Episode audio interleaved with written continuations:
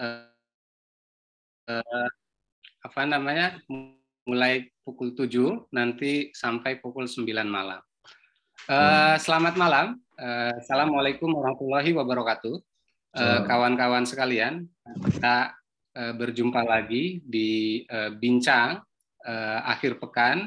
Sebelumnya kita sudah uh, membincang beberapa isu ya. Antara lain kita sudah membincang tentang buku terbaru dari uh, Piketty, uh, Time for Socialism. Lalu juga bincang kedua kita uh, berbicara tentang uh, populernya kembali kata sosialisme, terutama di Amerika Latin ya, khususnya di Chili dengan terpilihnya Presiden milenial Gabriel Boric beberapa waktu lalu. Nah, pada malam hari ini kita akan berbincang tentang Kazakhstan ya di mana eh, itu merupakan sebuah kawasan Asia Tengah, dulunya eh, pecahan dari Uni Soviet yang di sana terjadi semacam eh, kerusuhan yang dilatar belakangi oleh eh, krisis eh, energi ya, antara lain seperti LPG dan lain sebagainya. Saya kira eh, krisis ini saya bukan pakar eh, energi tentu saja, dan tapi dari secara umum gitu kita bisa melihat bahwa isu energi ini itu juga merupakan lompatan untuk ke isu-isu yang lain terutama dalam soal gerakan sosial di sana ya. Kan kawasan Kazakhstan itu kan antara lain berbatasan dengan Turkmenistan lalu juga ada Afghanistan juga di sana gitu ya. Dan uh, yang belakangnya itu tan tan tan itu rata-rata uh, itu kawasan Asia Tengah gitu. Bersama kita sudah hadir para pemantik diskusi.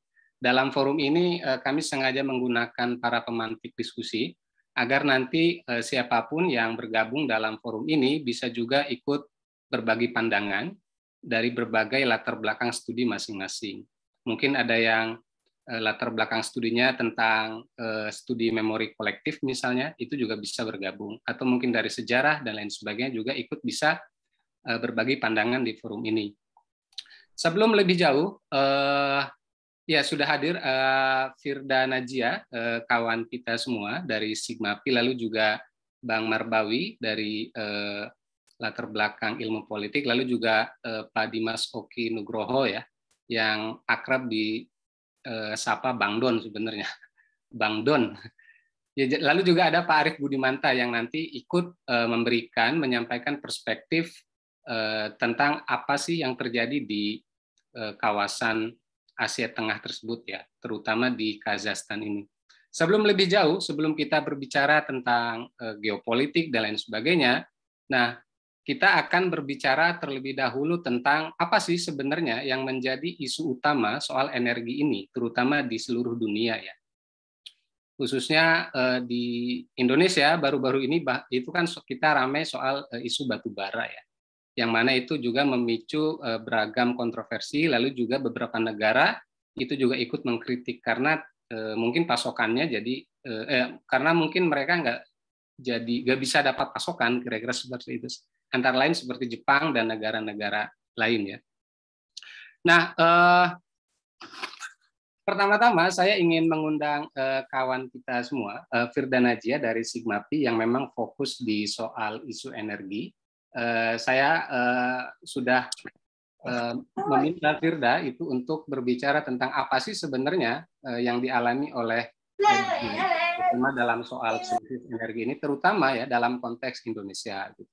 Apalagi baru-baru ini di Indonesia itu ramai soal isu batu bara dan lain sebagainya. Mungkin Firda bisa memberikan semacam perspektif kepada kita semua sebelum nanti apa kita beranjak lebih jauh ke soal isu geopolitik dan lain sebagainya di kawasan uh, Asia Tengah itu. Uh, silakan, Fir. Uh.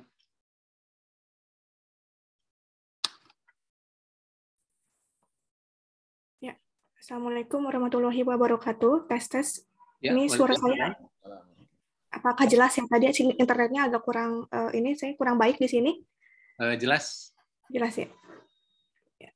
Selamat malam, uh, ya Mas Tida sebagai moderator, Bapak Dimas, uh, kemudian Bapak Marbawi dan Bapak Arif Mudimanta. Uh, saya Firda Anissa uh, sebagai Economic Researcher di uh, Sigma Indonesia. izin menyampaikan beberapa perspektif ya yang diminta oleh uh, panitia di mana ya ini ber, berangkatnya dari apa yang terjadi di Kazakhstan yang uh, sama kita sama-sama tahu bahwa Kazakhstan itu dia memiliki sumber daya energi yang melimpah ya. Uh, jadi dia dikaruniai oleh tiga uh, persen dari cadangan minyak global itu ada di sana sehingga dia dikategorikan sebagai 15 uh, top 15 uh, negara yang memiliki cadangan minyak terbanyak di dunia gitu. Nah ini hampir mirip dengan Indonesia ya, tapi Indonesia dengan batu baranya yang saat ini ya. Nah dengan adanya fluktuasi harga ya dan uh, ya sekarang harganya tuh meningkat gitu ya di, uh, di, untuk berbagai komoditas uh, tentu saja ada dampak konsekuensinya ya. Nah uh, di sini saya ingin menyampaikan uh, bagaimana uh, satu komoditas saja uh, batu bara dalam hal ini di uh, per 7 Januari 2021 dia actual price itu di angka 195 US dollars per ton.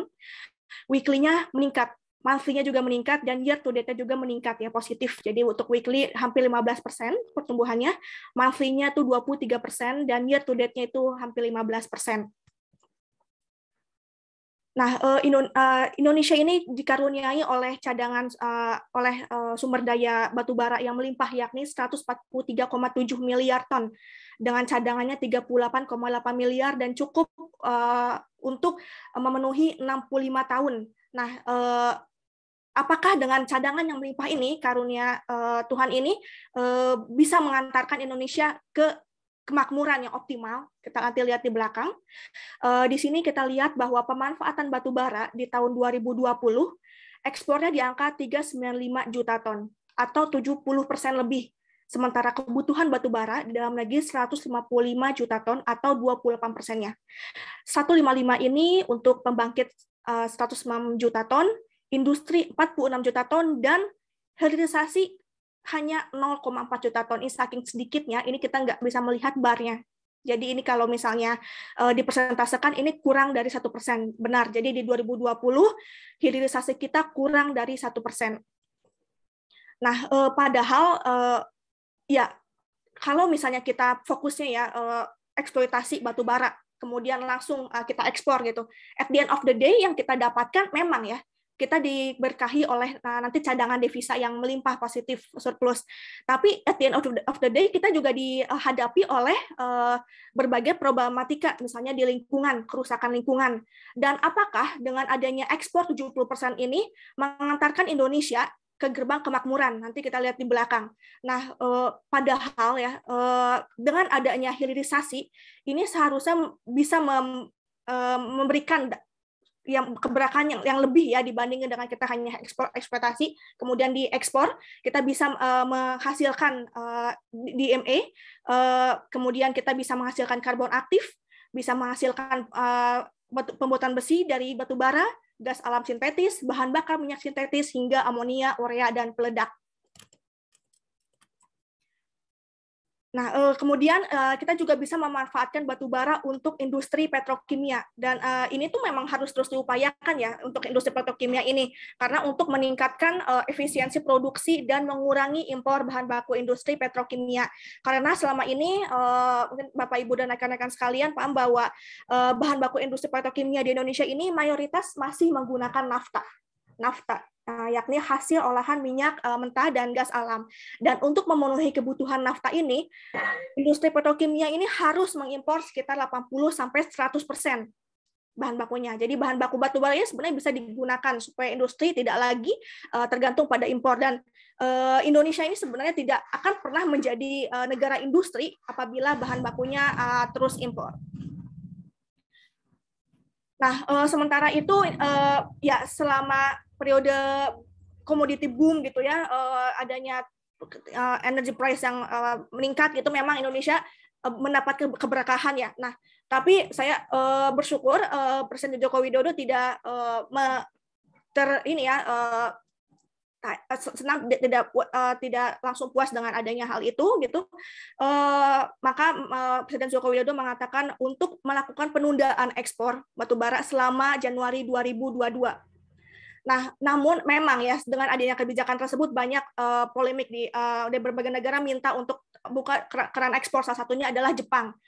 Itu memang agak keras ya. Padahal uh, Jepang sendiri dia itu uh, merupakan salah satu the biggest polluter di dunia. Jadi bisa kita lihat dengan share populasinya itu 1,6 persen terhadap populasi dunia, dia menciptakan atau menghasilkan kontribusi emisi ke uh, global emission tuh uh, sekitar 4 persen. Ini hanya periode 95 sampai 2020. Saya belum menghitung dari 95 ke belakang dan bahkan belum menghitung saat Jepang ini uh, melakukan kolonialisasi di berbagai negara yang dalam hal ini dia mengkeruk-keruk sumber daya gitu. Kita saya nggak menghitung, menghitung, tapi saya beranjak dari periode 95 sampai 2020 angkanya di 4,0 persen. Sementara Indonesia dengan share populasinya itu 3,5 persen terhadap uh, total populasi dunia, dia menghasilkan emisi di periode yang sama 1,3 persen.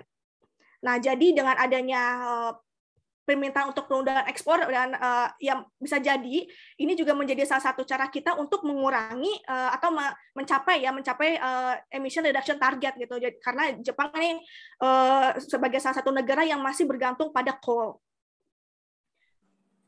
Ya, uh, sementara itu uh, NDC ya kita punya uh, nationally determined contribution. Setiap negara itu berjanji untuk menurunkan emisi. Nah de, ketika uh, NDC-nya itu di, uh, tercapai ya antara 2020 sampai 2030 bagaimana uh, yang terjadi? Nah ternyata Jepang ini masih memberikan kontribusi lebih dari 2% terhadap total emisi global. Sementara Indonesia ini di angka 1,9 persen. Jadi dengan adanya penundaan ekspor ini, uh, ya kita harapkan ya uh, tidak hanya ini menjadi momen bagi Indonesia untuk uh, bebenah diri, menata ulang bagaimana pengelolaan sumber daya, terutama batu bara yang dalam ini itu sangat uh, priceless ya, uh, tetapi juga uh, memberikan uh, ya maksudnya kayak uh, challenge ya bagi negara-negara yang terutama yang masih uh, yang masih tergantung dengan coal uh, ini untuk bisa uh, ya lebih uh, independen terhadap coal. Nah, uh, sementara itu di Jepang juga memang ya dia di COP26 yang uh, berlangsung di Glasgow beberapa waktu lalu dia memang uh, walaupun dia mendapatkan strong pressure negara untuk uh, melakukan komitmen untuk uh, apa namanya berakhir mengakhiri ketergantungan terhadap uh, batu bara, tetapi perdana menteri Jepang ini tidak menyebutkan untuk meninggalkan pembangkit batu bara karena dia tahu kalau misalnya dia komitmen aja gitu dia akan mengancam uh, keamanan energi negaranya.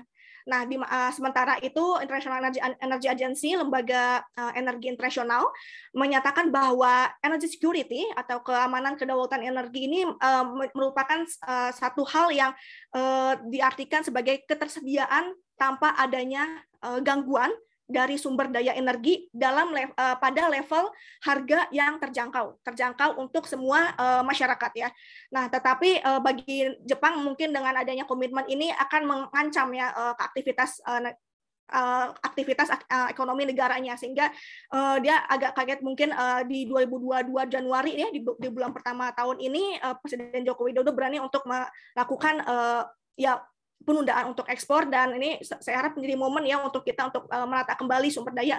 Karena kalau udah di uh, keluar gitu ya ini kan uh, coal itu sebagai sumber daya yang tidak terbarukan. Kita punya 65 tahun lagi. Nah kalau udah habis apa yang bisa kita lakukan lagi gitu? Sementara kita juga masih punya PR ya masih punya PR uh, sosial. Sistem konstitusi kita kembalikan ya Pak Gatot, hati-hati di jalan. Ya, uh, masih punya PR. Pertama, ya pertama kita punya masih lebih ada uh, masih ada 10 lebih 10 juta juta juta jiwa lebih penduduk miskin miskin ekstrim di Indonesia. Siapa dia? Mereka adalah penduduk yang hidup uh, pengeluarannya itu 1,9 PPP US dollars uh, per day atau kalau dirupiahkan itu 3, kurang dari 360 ribu uh, rupiah per bulan. Ini mereka nih 10 juta jiwa di Indonesia ini masih hidup dalam miskin ekstrim. Jadi bukan hanya miskin, tapi miskin ekstrim. Jadi uh, salah satu yang bisa saya gambarkan seorang nenek ya di di Jawa di desa Penakir, dia dengan satu cucu disable. Ibunya pergi ke ke Jakarta untuk um, ya mencari nafkah bapaknya nggak tahu ke mana. Nah dia belum belum bisa menikmati PKH, dia nggak dapat PKH. Lalu apa yang bisa dia lakukan gitu? Padahal uh, amanat undang-undang jelas ya bahwa uh, bumi, air dan kekayaan alam yang terkandung di dalamnya itu dikuasai oleh negara dan dipergunakan untuk sebesar-besarnya kemakmuran rakyat.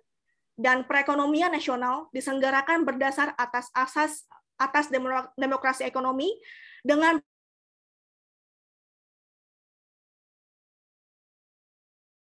kemandirian, serta dengan menjaga keseimbangan, kemajuan, dan kesatuan ekonomi nasional.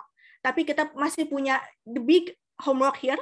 Jadi ada 10 juta lebih penduduk miskin ekstrim dan 9,10 juta jiwa penduduk yang masih menganggur per Agustus 2021 dengan sumber daya kita yang melimpah. Ini ya dengan sumber daya kita yang melimpah, kita masih punya angka yang besar-besar ini, juta jiwa.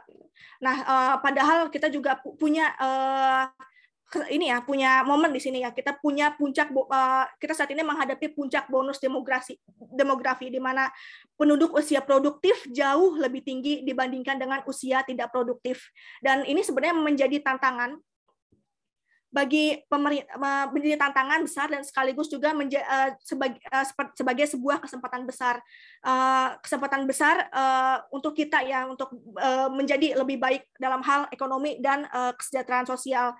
Nah uh, kalau misalnya uh, kenapa ini bisa menjadi masalah besar ini kalau kita tidak mampu menyediakan lapangan kerja. Halo.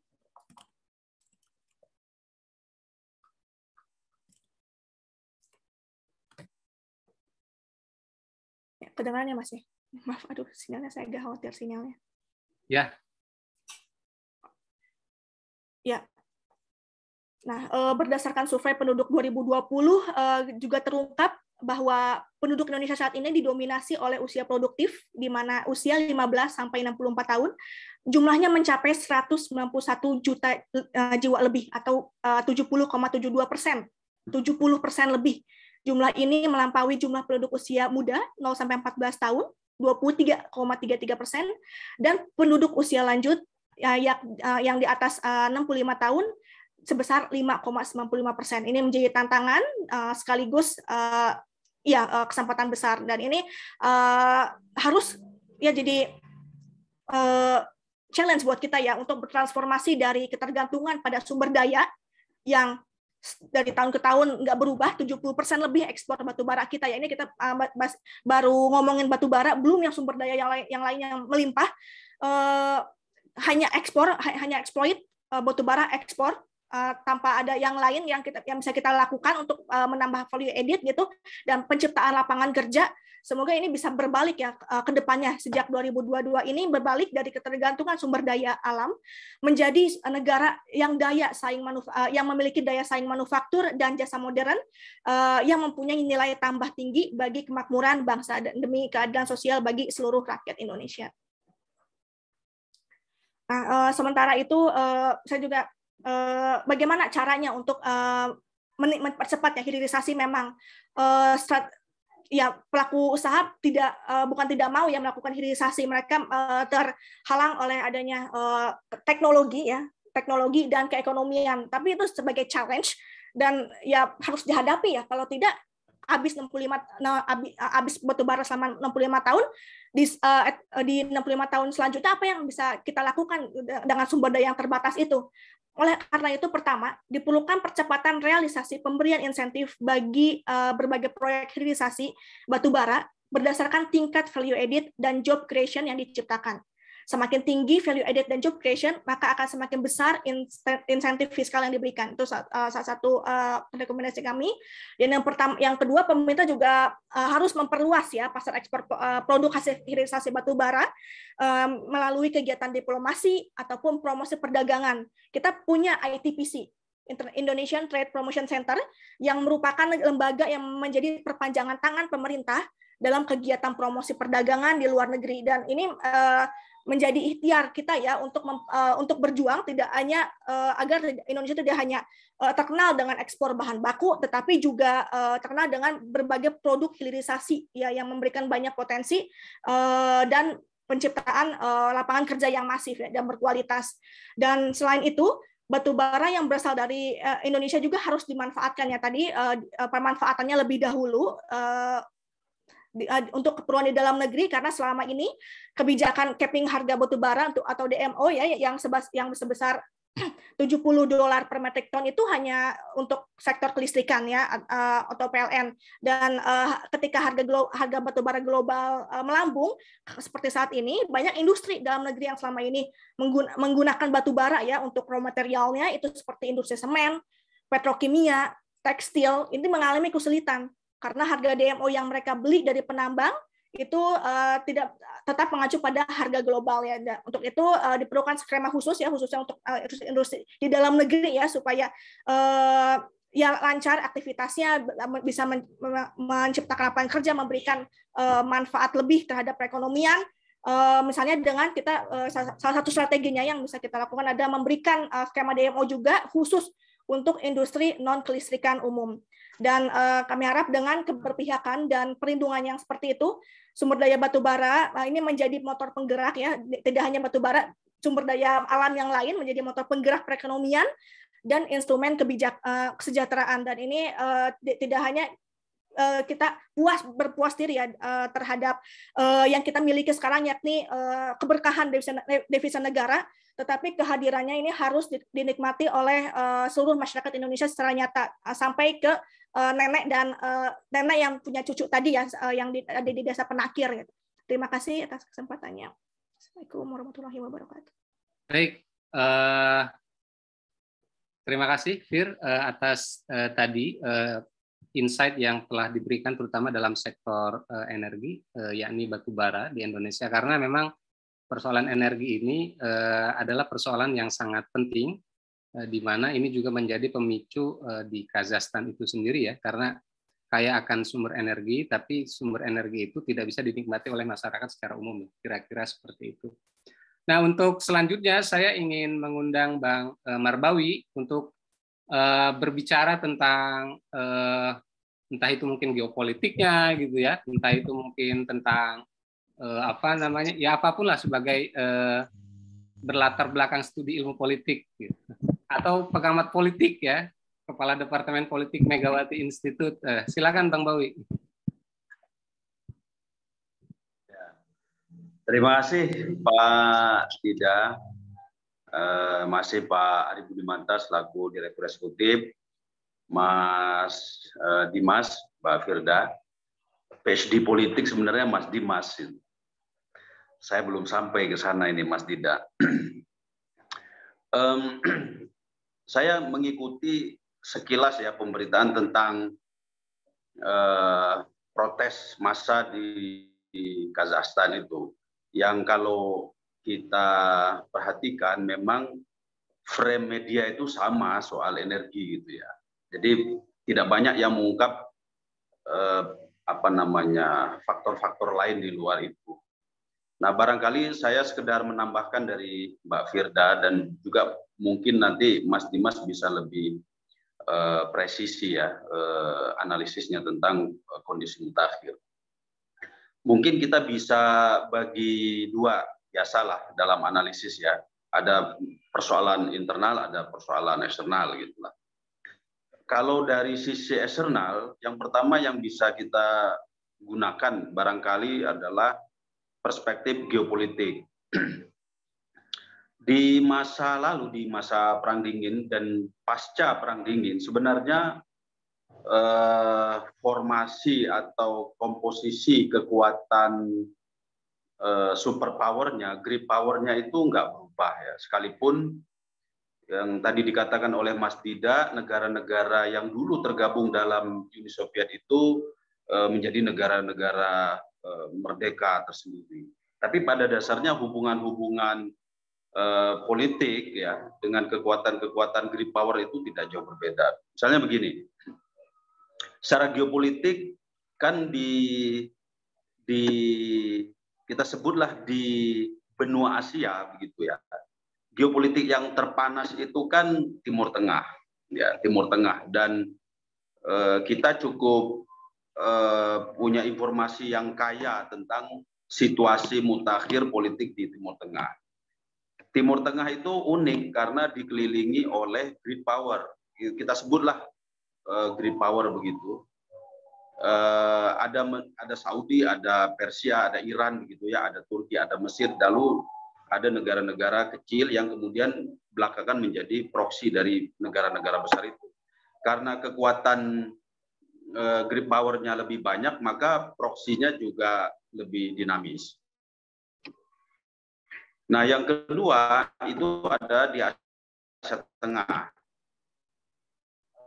Asia Tengah ini ya termasuk di dalamnya Azerbaijan, ada Georgia, tiga di Rusia. Di Asia Tengah itu sendiri ada Kazakhstan paling paling atas ya, lalu tengahnya itu Uzbekistan, bawahnya lagi Turkmenistan, di sebelah timur ada Kirgistan yang berbatasan dengan Afghanistan itu ada uh, Tajikistan, termasuk di dalamnya uh, Afghanistan. Kadang-kadang orang juga menambahkan Pakistan. Nah, eh, kawasan yang ketiga yang yang yang apa namanya sebenarnya kadang-kadang disebut Eropa, kadang-kadang disebut eh, Asia atau atau tarik menarik antara keduanya, yaitu yang kemudian disebut ini minta maaf azannya kenceng ini Mas Dida apakah kedengeran? Kedengeran kok ya? Kedengeran. Hah? Ya, kedengeran kok lanjut. Ya, tetap ya. Ya. Nah, di Eropa Timur itu kan bekas Uni Soviet itu Latvia, Lithuania, dan Estonia di negara di kawasan Baltik. Sekarang lepas total dari pengaruh Rusia masuk ke Uni Eropa. Lalu ada Moldova, ada Belarusia, lalu ada uh, Ukraina. Jadi kawasan Eropa Timur atau Rusia sebelah barat eh, apa namanya ditambah dengan negara-negara Eropa Timur dulu menjadi sawah, Hungaria dan seterusnya dan seterusnya. Nah dari sisi atau dari perspektif geopolitik kita melihat sebenarnya ada tiga titik panas geopolitik eh, yang terjadi di di kawasan Asia Eropa ini, di mana kekuatan-kekuatan green power itu punya kepentingan terhadap negara-negara kita sebutlah negara-negara kecil ini. Jadi pertama yang paling panas tentu saja Timur Tengah, lalu Eropa Timur, lalu Asia Tengah yang sekarang eh, di mana terjadi gejolak eh, protes massa di Kazakhstan. Nah, di sekitar kawasan kawasan ini, kawasan ini itu kan berdiri negara-negara besar. Kalau di Asia Timur tadi negara besarnya jelas Uni Eropa. Dalam hal ini misalnya ada Jerman, ada Prancis dan lain-lain. Kalau di Timur Tengah tadi seperti yang saya katakan ada eh, ada Persia, ada Saudi, ada Turki, ada Mesir. Di Asia Tengah itu kan di selatan ada India, di timur ada eh, RRC, Lalu tentu saja ada Rusia. Jadi kita punya gambaran secara geopolitik sebenarnya kalau terjadi protes massa di tiga kawasan ini, dia pasti tidak bisa lepas dari grid power yang ada di sekitarnya. Pasti tidak bisa lepas. Eh, apa pun eh, apa pun masalahnya, apa pun eh, isunya. Nah, pertanyaannya adalah kan kita jarang ya apa namanya mendapatkan informasi yang lebih lengkap kalau terjadi gejolak massa atau perubahan politik di eh, negara-negara eh, bekas Uni Soviet terutama di kawasan Asia Tengah. Sebenarnya kalau di kawasan Eropa Timur itu beberapa sudah terjadi eh, perubahan-perubahan politik dari eh, otoritarian ke demokrasi. Jadi perspektif yang kedua nanti yang bisa kita pakai adalah perspektif transisi demokrasi kasus Belarusia itu masih belum. Kasus uh, kasus um, Ukraina itu masih tarik menarik untuk kawasan uh, kawasan sebelah timur yang di, di mana banyak populasi Rusia tentu saja mereka lebih pengen dekat ke Rusia begitu. Dan di Eurasia di Eurasia kemarin terjadi perang antara uh, Azerbaijan dan Armenia Georgia sudah mengalami transisi demokrasi. Nah, di Asia Tengah ini yang paling lama gitu ya yang berkuasa itu uh, Nur Sultan Nazarbayev ini bayangkan dia sejak tahun 80-an sebagai ketua sebagai sekjen Partai Komunis Kazakhstan lalu ketika merdeka menjadi negara um, apa maksud negara bebas begitu dia jadi presiden sampai kemarin tahun 2019 dan yang menjadi presiden sekarang Tokayev ini adalah anunya ya, orangnya Sultan Nazarbayev. Persis seperti Putin jadi orangnya Yeltsin. Jadi orang orang melihatnya ini rezim sebenarnya bukan rezim Tokayev, ini rezim Nur Sultan Nazarbayev gitu. Masih rezim lama. Jadi dari sisi geopolitik eh, kita melihat eh, ada ada faktor Rusia yang tidak bisa dilepas di Eropa Timur maupun di Asia Tengah termasuk Eurasia itu. Um, faktor apa yang disebut sebagai sindrom unsecurity Rusia gitu. Jadi Rusia itu punya sindrom unsecure kalau daerah-daerah penyangga ini lepas dari pengaruh mereka. Kan proses rusifikasi itu sebenarnya dimulai dari doktrin Stalin tentang sosialisme satu negeri tahun 40-an itu di mana kemudian negara-negara yang ini tadinya merdeka begitu dimasukkan ke USR ternyata kemudian mengalami proses rusifikasi. Proses rusifikasi itu jadi ya bahasanya bahasa Rusia, ya orang-orang Rusia aja juga ditempatkan di negara-negara ini. Sehingga kalau kita buka uh, ethnic map-nya di negara-negara bekas Uni Soviet itu selalu ada orang Rusianya. Sebenarnya itu orang-orang pindahan sebagai bagian dari proses uh, rusifikasi dalam jubah atau dalam uh, frame USS apa Uni Soviet. Nah, itu akar masalah yang kemudian uh, muncul muncul belakangan.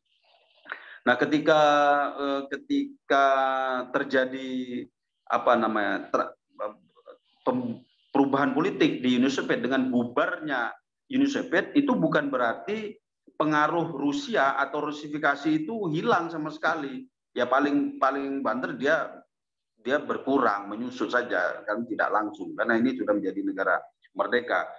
Tapi kan kemudian diikat diikat dalam satu wadah bernama eh, CIS itu.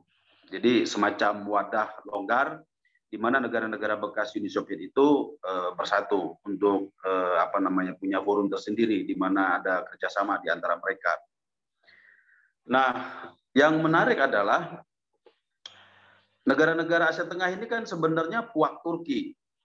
Jadi tadi seperti Mas Dida bilang, tantan. Sebenarnya stan, stan, bahasa Persia, artinya ya negeri, land lah, land. Jadi Kazakhstan itu sebenarnya eh, Kazakhland, Tajikistan, Tajikland, dan seterusnya gitu. Dan mereka punya organisasi juga, Dewan Turki Dunia, Turki Council, di mana Turki yang sekarang Turki Erdogan itu juga Turki juga Cuma puaknya akan beda. Jadi puak puak Seljuk lah kalau dulu kita bicara Turki Utsmani. Tapi kan ke Turki Council ini tidak sekuat Liga Arab. Liga Liga Turki dunia ini tidak sekuat Liga Arab.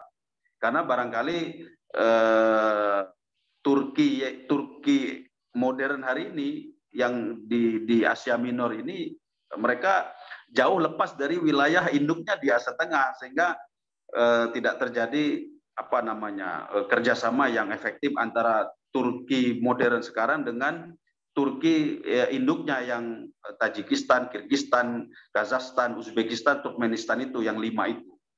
Jadi tidak punya fungsi sehingga pengaruh eh, Rusia itu tetap kuat. Nah bagi bagi eh, apa namanya negara-negara yang lemah di Asia Tengah ini dia tentu berpikir lebih rasional cenderung ke Rusia. Tapi kalau yang agak kuat ya dia bisa berimbang atau malah melawan seperti uh, Ukraina atau berimbang seperti Nur Sultan Nazarbayev. Misalnya dia tetap Rusia tapi dia juga gunakan uh, negaranya sebagai pangkalan militer Amerika Serikat dalam konteks uh, uh, perang anti terorisme di uh, di Asia Tengah kira-kira begitu. Nah, satu sisi kan di sebelah timurnya itu juga ada ada Cina yang punya eh, punya persoalan tersendiri tentang eh, Uighur yang merupakan wak dari juga Turki. Nah, jadi kalau kita lihat peta geopolitiknya secara sederhana, kita akan melihat sebenarnya apa pun nanti isunya, faktor Rusia yang merasa tidak insecure kalau wilayah ini lepas dari pengaruh mereka. Rusia tidak secure terhadap Rusia tidak secure dari Eropa, Rusia tidak secure dari negara-negara besar seperti Turki dan Iran di sebelah, di, di sebelah sebelah selatannya, lalu tidak secure juga ada India, tidak secure juga itu ada Pakistan, tidak secure juga ada RRC, dan tentu saja tidak secure dari Amerika Serikat.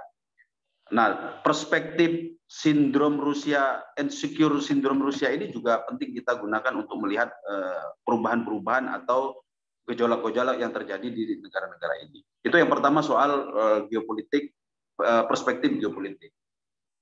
Nah, yang kedua perspektif transisi demokrasi. Nah, sebenarnya ini agak terlalu lambat ya uh, transisi ini.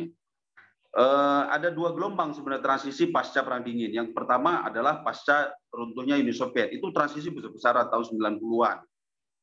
Ya, di Eropa Timur, Ya, tentu di bekas Uni Soviet itu sendiri dan di Eropa Timur. Dan juga banyak rezim-rezim diktator eh, yang dahulu tahun 60-an, 70-an, 80-an dipegang sama Amerika Serikat itu juga cukup eh, rontok. Contohnya kita ya Indonesia itu.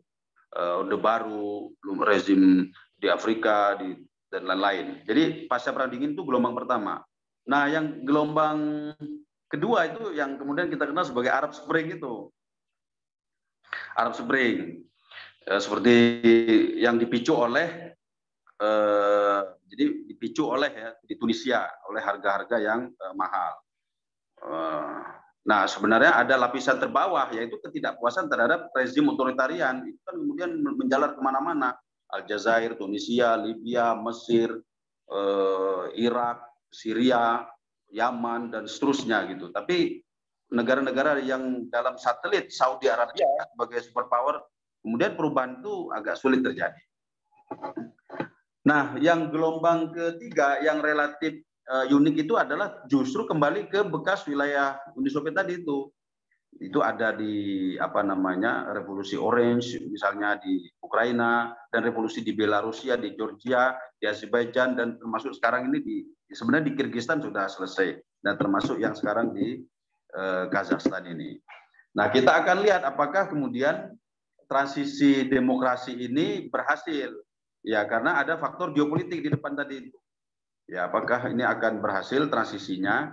Kalau menurut eh, apa namanya kalau kita baca karya klasik Mas Dimas pasti tahu nih O'Donnell tentang transisi eh, apa namanya transisi demokrasi begitu ya dengan kasus Amerika Latin yang banyak itu kan kesimpulannya eh, apa namanya kesimpulannya yang paling sederhana adalah banyaknya aktor-aktor demokrasi yang kemudian menjadi dominan di negara itu sehingga transisi itu lebih mudah. Nah kalau kita terjemahkan sekarang ya civil society-nya itu juga tumbuh. Nah, di negara-negara rezim otoritarian, civil society itu kan tidak tumbuh. Kekuatan sosial itu dikorporatismekan ke negara, persis seperti di Orde Baru dahulu. Tapi untung kalau misalnya untuk kasus Indonesia, Muslim civil society cukup kuat. Begitu negaranya rubuh, ya masyarakatnya tidak rubuh. Negaranya tidak tidak apa tidak ikut rubuh. Gitu. Itu dua perspektif pertama. Nah, yang ketiga perspektif yang bisa kita gunakan juga untuk melihat kondisinya adalah ekonomi politik tentu saja atau oligarki. Jadi ke protes massa muncul eh, bukan hanya soal energi itu pemicu saya kira. Itu pemicu.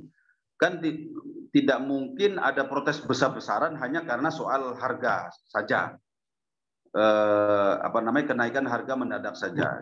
Tapi ada kepuasan yang ada ada ketidakpuasan yang terpendam lama. Bayangkan Nur Sultan Nazarbayev itu berkuasa sejak tahun 80-an, 90-an. Jadi sudah 40 tahun Nazarbayev saja. Ditambah dengan Tokayev yang juga barangkali juga akan lama. Rezimnya rezim Nur Sultan Nazarbayev. Yang ibu kotanya pun diganti namanya menjadi nama dia gitu. saking anunya ya, saking ingin ingin ingin meninggalkan jejak abadi gitu di negaranya. Jadi ada ketidakpuasan uh, yang terpendam. Nah, kekayaan alam uh, kekayaan alam yang banyak tadi disampaikan Mbak Firda, penduduk tidak banyak begitu ya.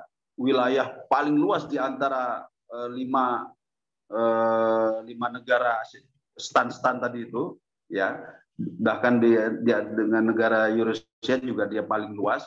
Jadi dia punya apa ya, punya eh, kesempatan yang luar biasa untuk membangun kekuatan baru di wilayah ini. Dan ternyata kalau kita perhatikan kekayaan ini kan hidup bersama dengan otoritarianisme sehingga eh, hasil-hasil dari eksploitasi tadi itu tidak kemudian menjadi apa namanya kemakmuran sebesar-besarnya bagi rakyat lah kira-kira begitu ya kalau kita ikut bahasa uh, konstitusi kita gitu. Nah, aliran hasil dari sumber daya alam yang kemudian sangat besar yang jumlahnya sangat besar ini digunakan untuk mengoperasikan suatu rezim yang bisa bertahan lama. Apa namanya suatu uh, kalau kan begitu kalau kalau satu rezim itu semakin kaya dari sumber daya alam, maka dia semakin uh, tidak demokratis atau tidak lunak kepada rakyatnya. Kita perhatikan juga pola-pola di Timur Tengah. Kalau harga minyak bumi itu naik, mereka cenderung gayanya otoriter kepada rakyatnya. Kalau harganya murah, mereka cenderung baik-baik kepada rakyatnya. Menurut sebuah riset itu begitu. Ya, Mas Dimas yang nanti bisa ditambahkan. Nah kalau sekarang juga rezimnya kaya raya dari sumber daya alam, dia cenderung galak sama rakyat. Gitu. Karena duitnya banyak, tapi begitu income dari sumber daya alamnya menurun, dia cenderung baik-baik sama rakyat. Biar rakyat itu ya patuh pajaknya dan seterusnya kan. Sehingga pola ini, ini pola jamak di di apa di di tahun-tahun 60-an 7 sorry tahun 70-an 80-an sebenarnya ketika proses eh, gelombang gelombang ketiga demokratisasi itu sebagaimana yang Huntington katakan uh, ini sudah harusnya sudah dahulu terjadi. Nah, sekarang terjadi kembali seperti berulang. Nah, kalau misalnya gagal ini dis, diselesaikan oleh Tokayev eh, apa namanya eh, kepanjangan tangan dari Nazarbayev ini yang isunya di luar poster itu keluar keluar keluarin itu orang tua. Maksudnya Nazarbayev itu jangan uh, jangan berkuasa di belakang layar gitu ya. Tapi betul-betul diganti rezim baru maka uh, regimentasi dan penguatan oligarki dari sumber daya alam itu akan semakin besar.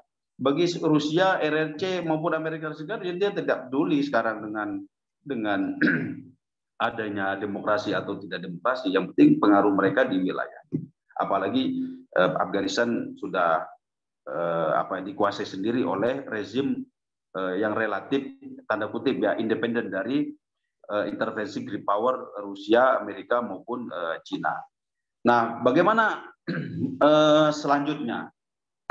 Apakah kemudian akan terjadi perubahan politik eh, apa namanya eh, besar-besaran di Afghanistan? Maksud saya apakah akan banting setir menjadi negara demokrasi? Saya agak pesimis kalau melihat apa namanya satu komposisi demografinya Rusia cukup eh, itu orang Rusia. Yang kedua beda dengan Ukraina. Ukraina eh, ditolong banyak oleh Uni Eropa.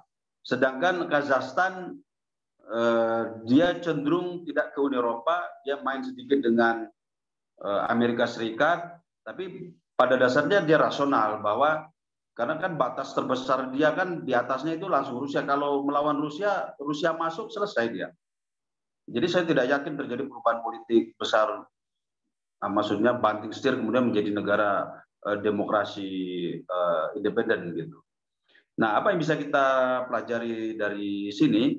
Bahwa eh, kalau sumber daya alam itu tidak eh, apa namanya eh, hasilnya hasilnya yang besar itu tidak dikelola untuk eh, kemakmuran bersama, tetapi hanya untuk segelintir elit oligarki, maka eh, protes itu pasti muncul, terutama bagi kalangan kelas menengah dan kelompok intelektual yang eh, apa namanya, yang yang sudah cukup kuat gitu ya. Sama seperti di Kazakhstan, kelas-kelas menengahnya kan jumlahnya juga naik. Lalu generasi milenialnya juga sudah besar. Jadi kalau misalnya sumber daya alam itu hanya dikuasai oleh segelintir oligarki, maka sapuan protes itu pasti terjadi dan itu tidak menutup kemungkinan eh, di negara kita bisa terjadi juga. Oleh karena itu eh, rumusan konstitusional kita itu sudah sangat luar biasa sebenarnya. Protes yang eh, apa namanya yang yang demikian tidak boleh terulang. Kita pernah mengalaminya eh, paling tidak dua kali di dalam sejarah. Saya kira itu perspektif yang bisa kita sementara bisa kita apa ya kita gunakan gitu. Ada kritik sindrom unsecure-nya Rusia lalu transisi demokrasi dan terakhir tentang uh, ekonomi struktur ekonomi politik. Barangkali itu Mas Dida sebagai pemantik saya nun sewu nih kepada Mas Dimas mau belajar lagi. Ya baik Bang Wawi, uh, tapi saya mau konfirmasi sedikit deh soal Turki ini ya, antara yang uh, modern dan yang sebelumnya itu. Mungkin itu di era Mustafa Kamal ya berarti ya. Peralihan ya, kan? ya artinya peralihan itu kan di di era Mustafa. Turki yang sekarang ini yang di Anatolia itu yang di Asia Minor lah. Kan itu bukan kampungnya orang Turki. Kan kampungnya orang Turki kan di Asia Tengah. Cuma karena dulu ikut khilafah Abbasiyah gitu kan terus berkuasa terutama dinasti Seljuk itu jadi menguasai pemerintahan dan menjadikan Khalifah Abbasiyah cuma boneka. Kekuasaan mereka itu mereka yang pegang. Begitu Baghdadnya jatuh oleh Mongolia, ya mereka lari ke Asia Minor yang sekarang ini, bikin Seljuk Rum, lalu di Bursa itu mendirikan dinasti Turki Osmani, ya kemudian menaklukkan Konstantinopel, ya semua itu kampung orang, wilayah orang itu wilayah Yunani, wilayah Romawi, Romawi Yunani kan. Lalu eh, dinasti Utsmani itu rubuh ya diganti dengan Turki modern. Jadi saya sebut Turki modern itu ya Turki ya Turki inilah Turki Mustafa Kemal Atatürk ini yang yang yang negara Turki ini di kampung orang sebenarnya bukan di tanah mereka sendiri. Baik, Bang Bawi, uh, luar biasa ya Bang Bawi ini soal peta geopolitik, lalu yang penting soal uh, santrinya keluar, Bang Bawi tadi santrinya keluar, bicara tentang soal khilafah ya sejarah Islam dan lain sebagainya gitu, yang eh, sebenarnya cukup cukup kompleks gitu, itu dan di, itu bisa kita gunakan sebagai eh, bahan untuk membaca eh, kacamata apa geopolitik kita sekarang. Eh, banyak hal tadi pertama tentang geopolitik itu sendiri, lalu juga tentang eh, transisi demokrasi yang ada di eh, Asia ya Asia Tengah terutama ya yang tadi tentang Kazakhstan lalu juga tentang ekonomi politik ya tiga hal ini yang menjadi kata kunci yang disampaikan oleh Bang Marbawi tadi. Uh, selanjutnya saya ingin mengundang uh, Pak Dimas Okinugroho yang juga tentunya bakal mempertajam analisis terhadap Eh, apa yang terjadi, apa yang sedang terjadi di kawasan Asia Tengah, khususnya di eh, Kazakhstan. Eh, silakan Pak Dimas. Selamat malam, terima kasih Bung Lida, teman-teman yang saya hormati, ada Mas Arief Budimanta, ada Bung Marbawi, tadi pembicara pertama Kakak Firda, tadi juga saya lihat ada Bung Bang Teras Narang dan juga pembicara atau audiens serta yang lain dalam diskusi yang luar biasa malam ini. Ini tema yang menurut saya sangat relevan yang uh, dibahas dan dalam beberapa kali isu yang saya dapatkan uh, promosi dan uh, apa namanya woro-woronya dari berbagai grup WA maupun sosial media Megawati Institute akhir-akhir ini mengangkat berbagai tema yang sangat uh, menarik ya. Dan memang sesungguhnya itu yang menjadi kunci dalam diskusi-diskusi di uh, ruang publik di berbagai negara dan secara global. Sesungguhnya isu inilah yang sedang menjadi poin dari pembahasan yang justru sering kali di tanah air itu tidak cukup mendapatkan atensi ya, uh, dalam banyak hal, khususnya di ruang-ruang sosial media maupun juga media online kita. Nah, uh, tadi disampaikan di awal oleh Mbak Firda dengan sangat uh, gamblang ya terkait uh, dengan Kazakhstan dan kaitannya dengan krisis energi yang terjadi di sana, yang terkait juga dengan krisis energi global. Lalu Bung Marbawi, sahabat saya, yang secara eksploratif dan sangat tajam ya bicara tentang persoalan di Kazakhstan, Asia Tengah ini melalui tiga perspektif. Dan cukup komprehensif menurut saya.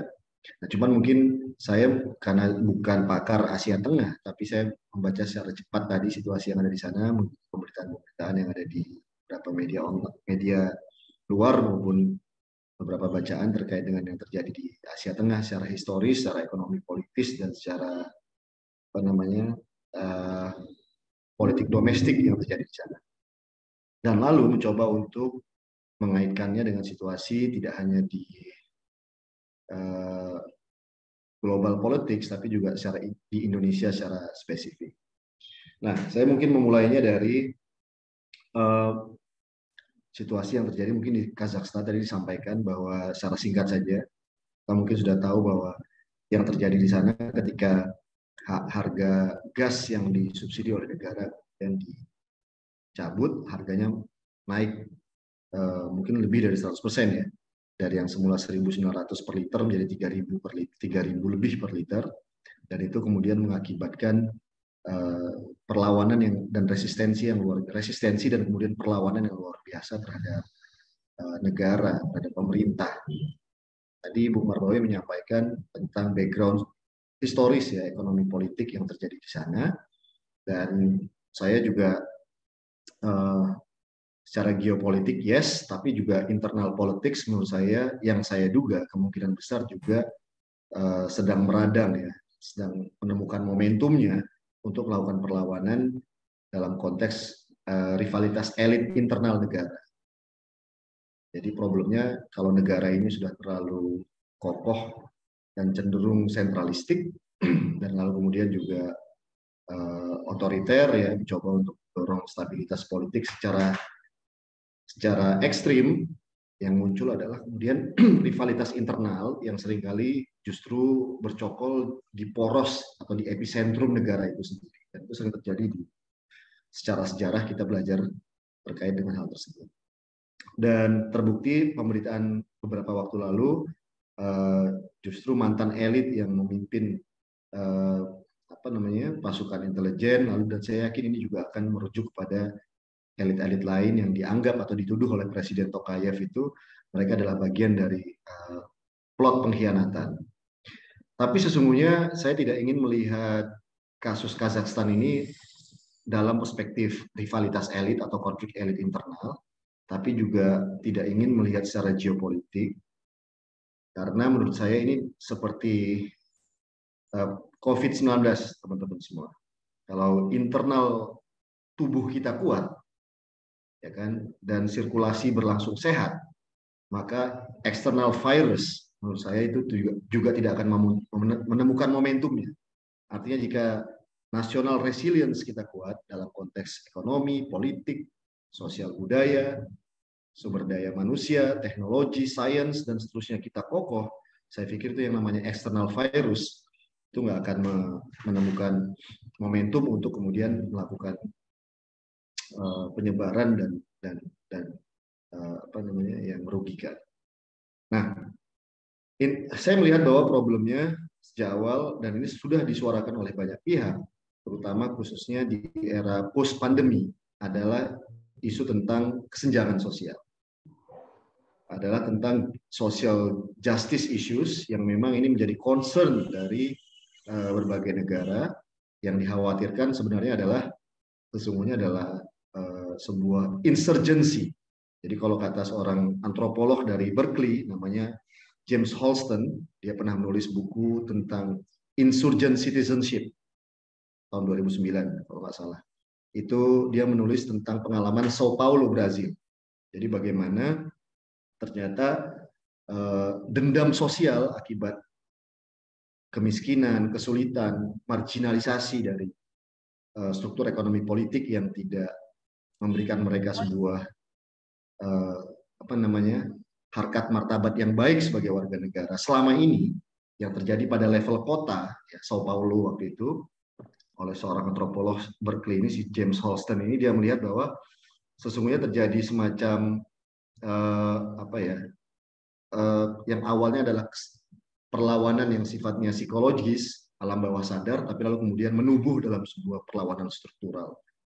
Lalu kemudian pertanyaan terbesarnya adalah kalau kata David Harvey dalam bukunya Rebel Cities itu adalah uh, sesungguhnya siapa sih yang berdaulat mengatur hidup kita sehari-hari.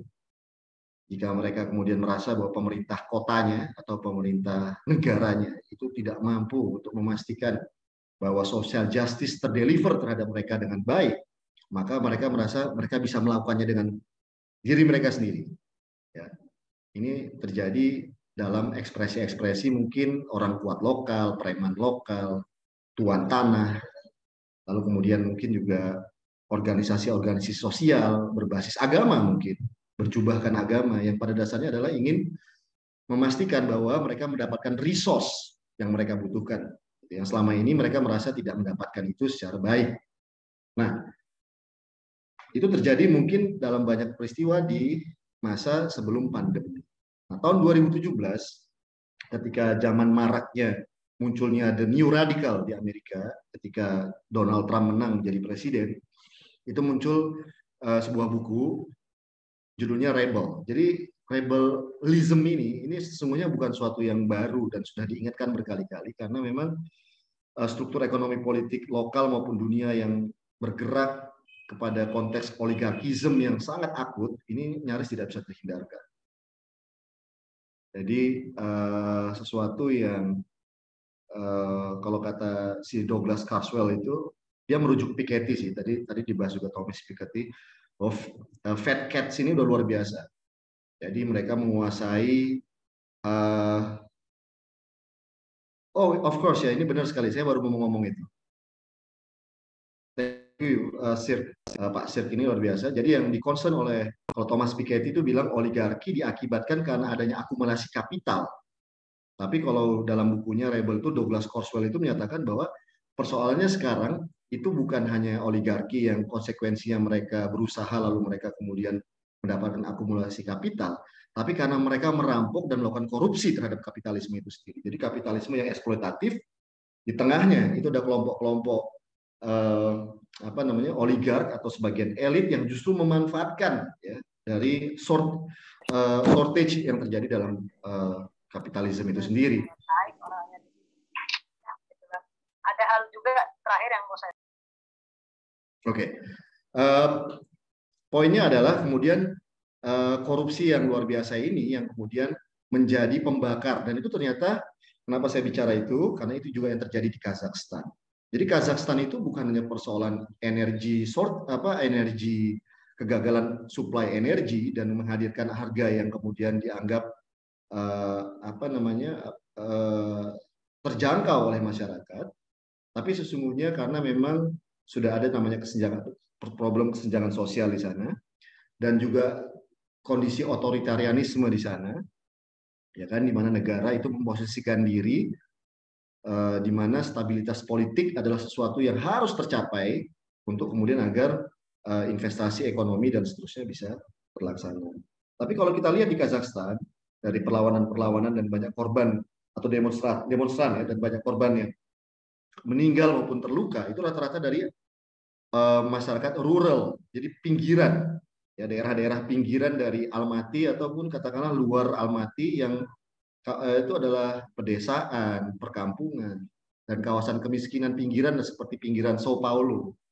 Jadi saya ingin melihat bahwa konektisitas antara perlawanan terhadap di Kazakhstan ya terhadap negara itu juga harus dikaitkan dengan proses penderitaan sosial ya dan politik ekonomi politik dari masyarakat atau warga negara yang terjadi pada level uh, uh, mikropolitik dalam hal ini kota. Ya, karena memang penderitaannya bertambah. Jadi perlawanan itu menumpuk akumulatif. Dan keberanian itu muncul ketika memang melihat bahwa bahwa itu ada konspirasi politik di sana, bahwa ada situasi geopolitik di sana, bahwa itu ada situasi rivalitas elit di sana. Tapi yang namanya insurgent citizenship itu sudah akumulatif dan muncul, terekspresi dalam sebuah keberanian masyarakat atau individu warga untuk menentang uh, the perceive atau persepsi ya, sosok kekuasaan yang menurut mereka tidak berpihak kepada mereka. Nah, apa yang bisa kita pelajari di sini? Saya yakin teman-teman pasti sudah menebak-nebak dong koneksitasnya dengan situasi kita hari ini. Dan bagi saya, situasi yang terjadi di Kazakhstan itu bukan tidak mungkin ya bisa terjadi di negara lain, bahkan di Indonesia sesungguhnya bisa menemukan momentumnya. Jika dalam hal ini eh, negara, negara dengan N besar ya, negara itu ada eksekutif, ada legislatif, juga judikatif, ya, dan civil society itu tidak concern, tidak antisipatif dengan isu hari ini, ya kan? Sehingga yang namanya rebellism itu yang sekarang sudah menemukan momentumnya di berbagai tempat ini, ya, itu kemudian hmm, bisa dihindari untuk terjadi. Meskipun kita tahu bahwa ini problemnya bukan subjektif personal, tapi persoalannya ini adalah struktur, sistem. Ya, memang kesenjangan yang luar biasa yang memang harus dihadapi. Bahwa ada persoalan korupsi, yes. Tapi kita nggak bisa bilang bahwa problemnya korupsi doang nih, politisi yang korupsi. Di Kazakhstan juga begitu. Jadi korupsi yang terjadi akibat eh, dana stimulasi penanganan pandemi ya dan pemulihan ekonomi ini sesuatu yang memang menjadi isu besar juga di sana. Ya kan? Jadi di saat yang sama ada orang yang bertambah kaya, tapi di saat yang sama ada orang yang menderita gara-gara subsidinya dicabut misalnya. Nah ini kan menjadi sentimen politik. Kenapa kemudian orang menjadi berani? Nah itu nggak bisa dijawab dengan hanya persoalan-persoalan yang sifatnya tadi itu. Kenapa orang tiba-tiba berani turun ke jalan berhadapan dengan panser, berhadapan dengan tentara dan polisi, ya kan, dan meregang nyawa, berani untuk melawan, itu kan sesuatu yang lain studinya. Nggak bisa disimplifikasi dengan persoalan struktural. Makanya saya mencoba untuk mengaitkannya dengan yang tadi namanya akumulatif uh, insurgent citizenship. Ya. Jadi ini situasi yang akumulatif yang kemudian membuat orang kemudian menjadi berani untuk melawan situasi.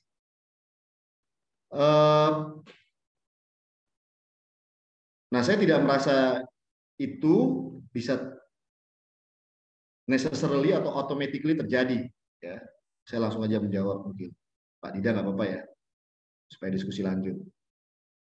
Uh, tidak automatically terjadi di negara-negara lain jika khususnya Indonesia pemerintahnya itu adalah antisipatif dan inovatif untuk menjalankan kebijakan-kebijakan yang um, propur atau katakanlah antisipatif terkait dengan untuk penanganan masyarakat-masyarakat marginal dan itu konkret.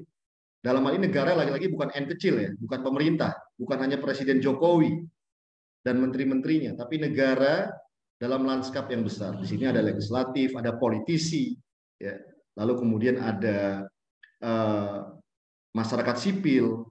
Saya melihat bahwa mungkin langsung aja jika kita lihat dalam konteks Indonesia hari ini, di sini ada Pak Arief Budimanta, ada teman-teman yang lain, bahwa saya melihat bahwa this is the big opportunity for the country ya untuk Indonesia justru ketika di sini uh, apa namanya Presiden Joko Widodo tetap mampu membangun sebuah keseimbangan antara yang namanya pembangunan yang berorientasi kepada investasi dan pembangunan yang berorientasi pada fisik. Ya bangunlah badannya.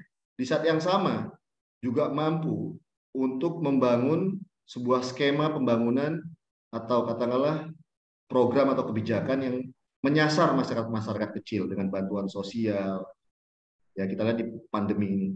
Lalu kemudian uh, tadi disebutkan oleh Mbak Firda ada akan ada program Extreme Poverty yang kita pengen juga dengar nanti dari Mas Arief Budimanta bahwa ini yang sesungguhnya yang memang menjadi apa ya kritikal uh, yang harus dilakukan oleh pemerintah yang dipimpin oleh Presiden Jokowi eksekutif ya.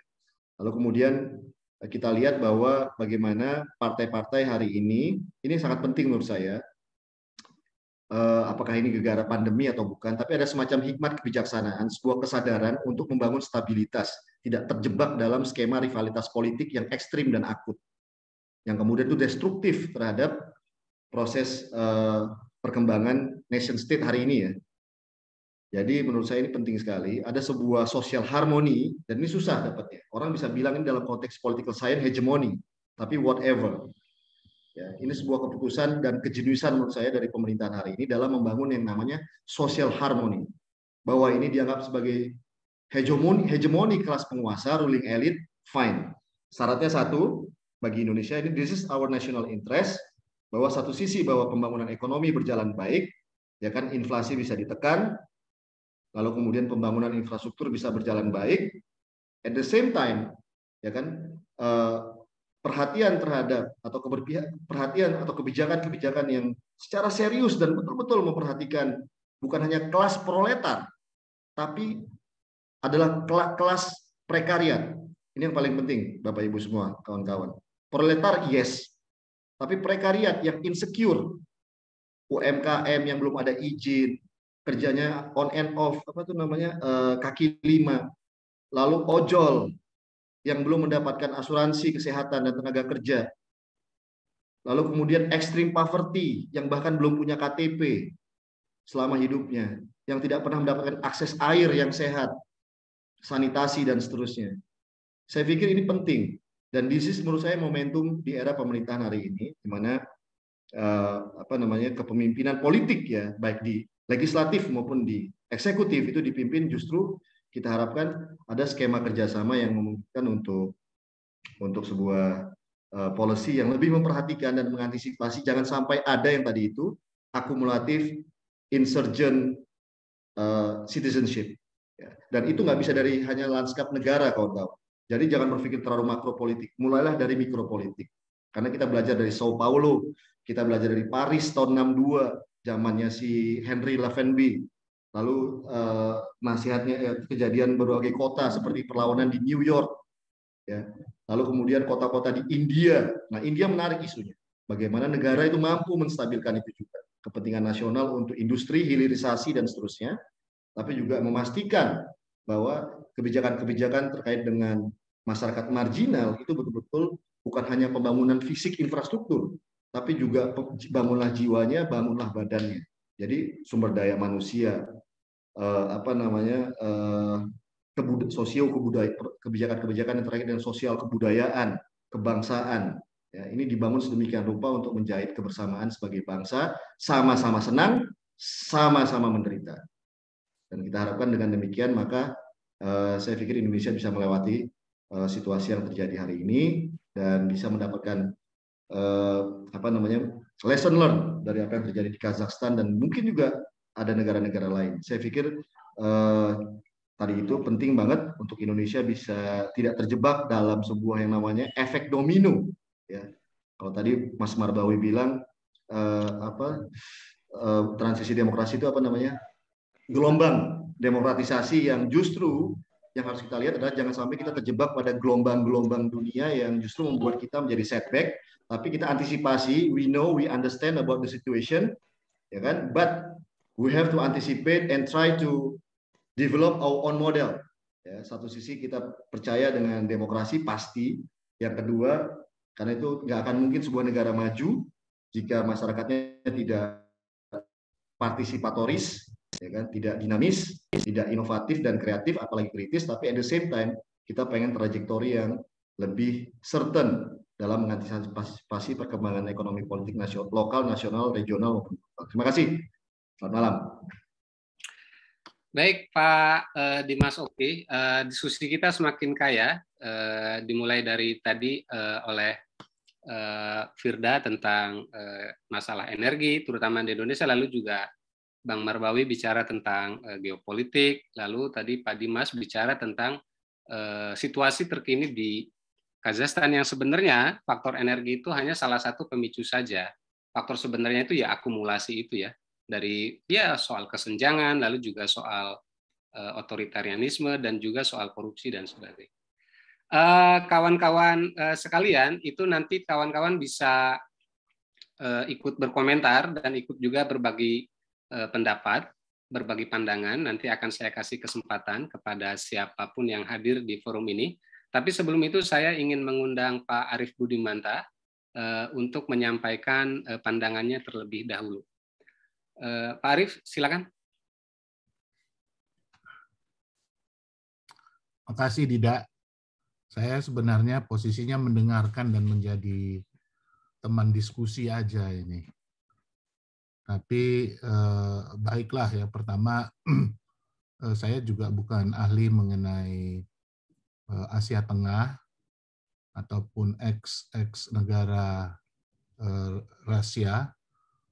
Cuman pandangan ini hanya didasari oleh eh, penglihatan atas beberapa data ekonomi ya yang mungkin bisa jadi bahan pemikiran juga dalam diskusi kita ini sekaligus refleksi ya bahwa pertama Kazakhstan ini uh, independen dari Soviet pada tahun 91.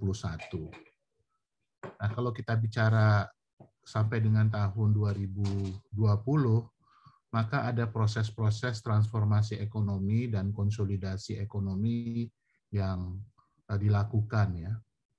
Nah, kalau kita lihat memang basis kekuatan eh, produksi dari kehidupan ekonomi yang ada di Kazakhstan itu eh, datang dari sumber daya alam, terutama dari oil and gas, kemudian yang kedua dari mineral, terutama uranium.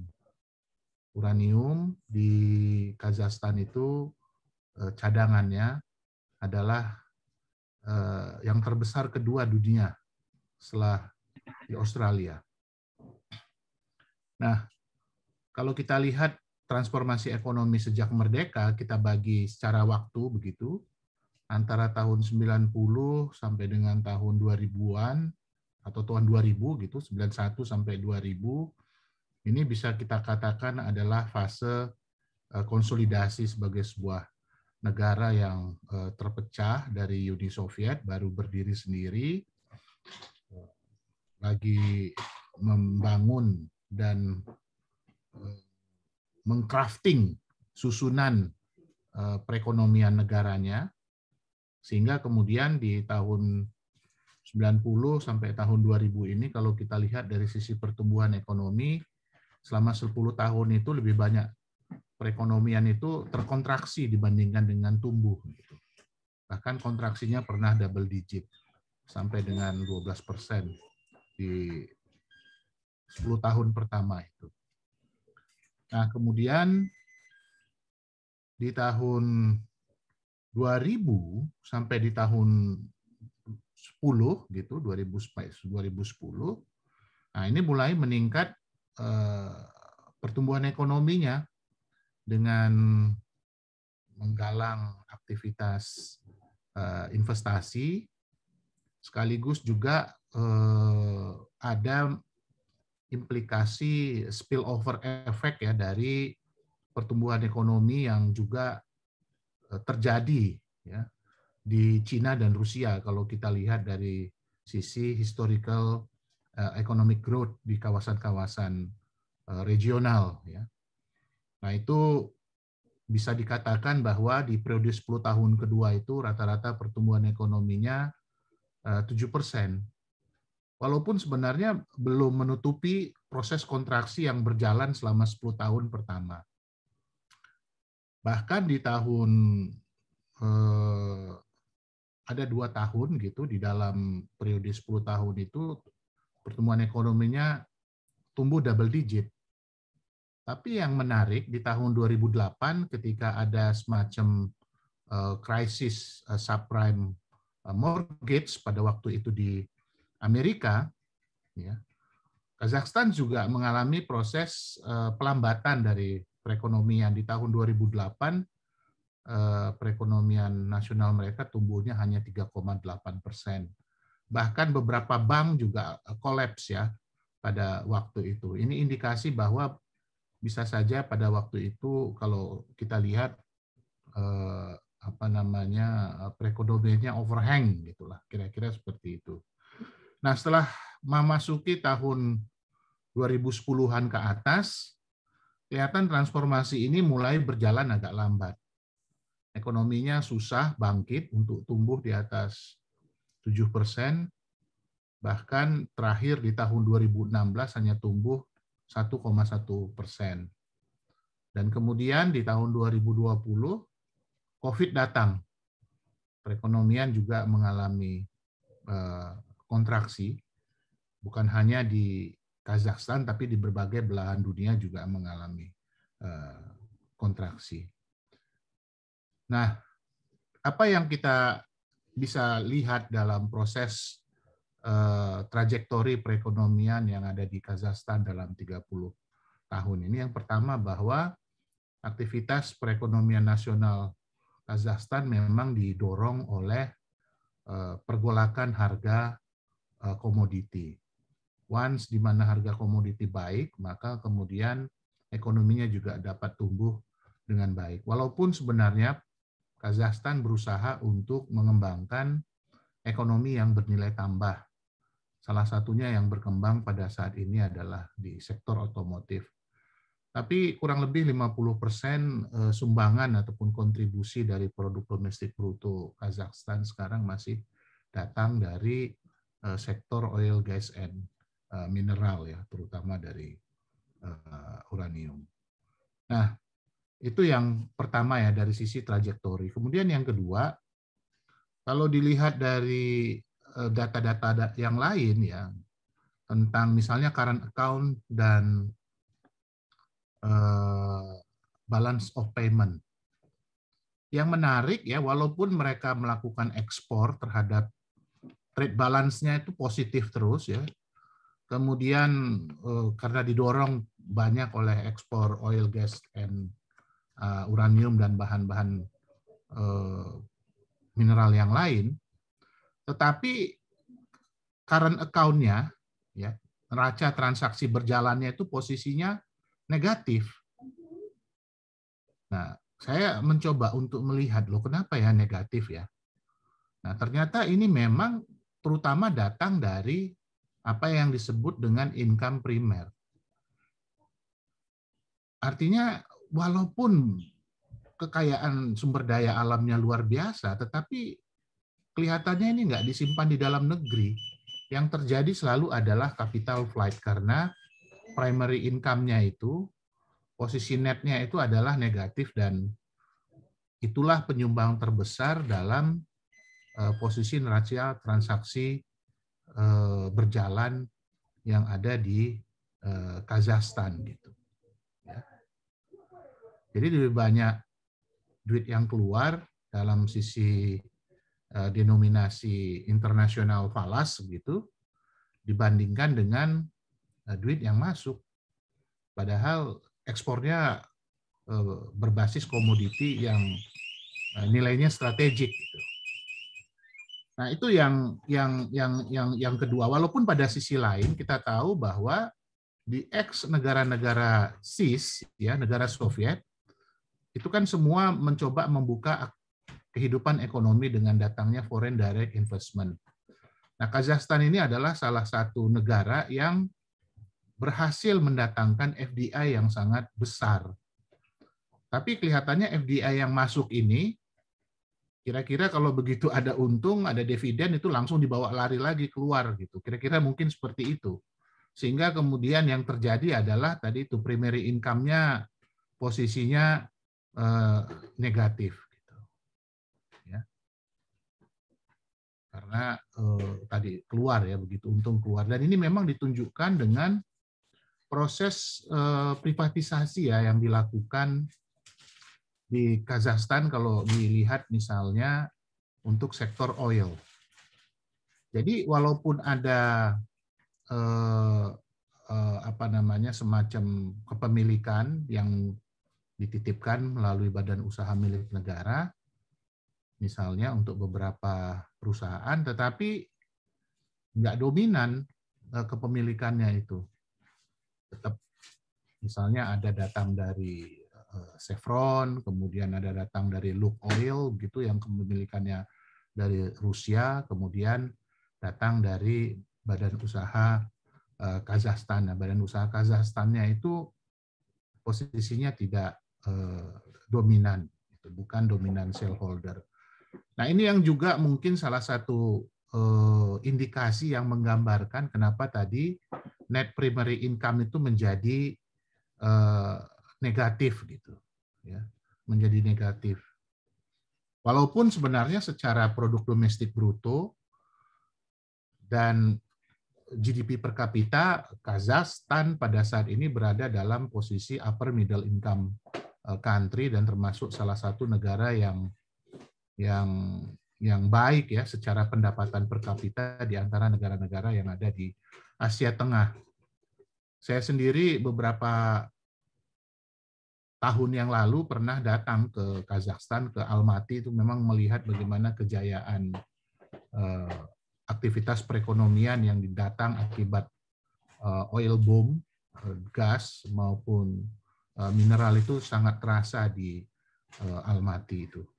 Yang sebelumnya adalah merupakan ibu kota dari Kazakhstan sebelum dipindah ke Astana yang kemudian dirubah namanya menjadi Nur Sultan. Nah, pada waktu itu saya lagi jalan dari Almaty kemudian ke Bishkek Bishkek itu ibu kota dari Kirgistan, negara Asia Tengah yang berbatasan dengan eh, Cina ya, dan juga ex ex Rusia.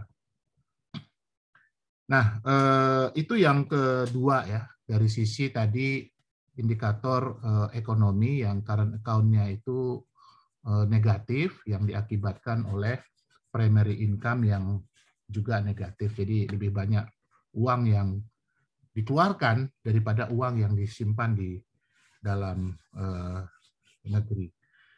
Nah, yang ketiga uh, adalah bahwa kalau kita lihat dari sisi kejadian yang terakhir, pusat-pusat gerakan sosial itu adanya di Almaty dan di Mangistau. Nah, Almaty ini adalah Eh, sentra aktivitas jasa ekonomi di wilayah eh, Kazakhstan ya pusat keuangan begitu. Dan Mangistau ini adalah sentra dari eh, aktivitas industri oil, gas dan mineral. Nah, ini kan menarik ya kenapa kemudian pusat-pusat gerakan sosial itu ada di tempat-tempat yang secara ekonomi itu memiliki kontribusi yang besar terhadap GDP. Nah, pertanyaannya kemudian apakah ini terkait dengan persoalan uh, distribusi, uh, keadilan ekonomi atau persoalan lain gitu. Ini ya yang mungkin perlu dilihat lebih lebih jauh. Nah, kalau kita lihat misalnya apa yang terjadi di dalam Eh, pengalaman misalnya yang terjadi di Spanyol eh, tentang protes yang eh, datang dari salah satu negara bagian di Spanyol atau provins khusus Catalonia.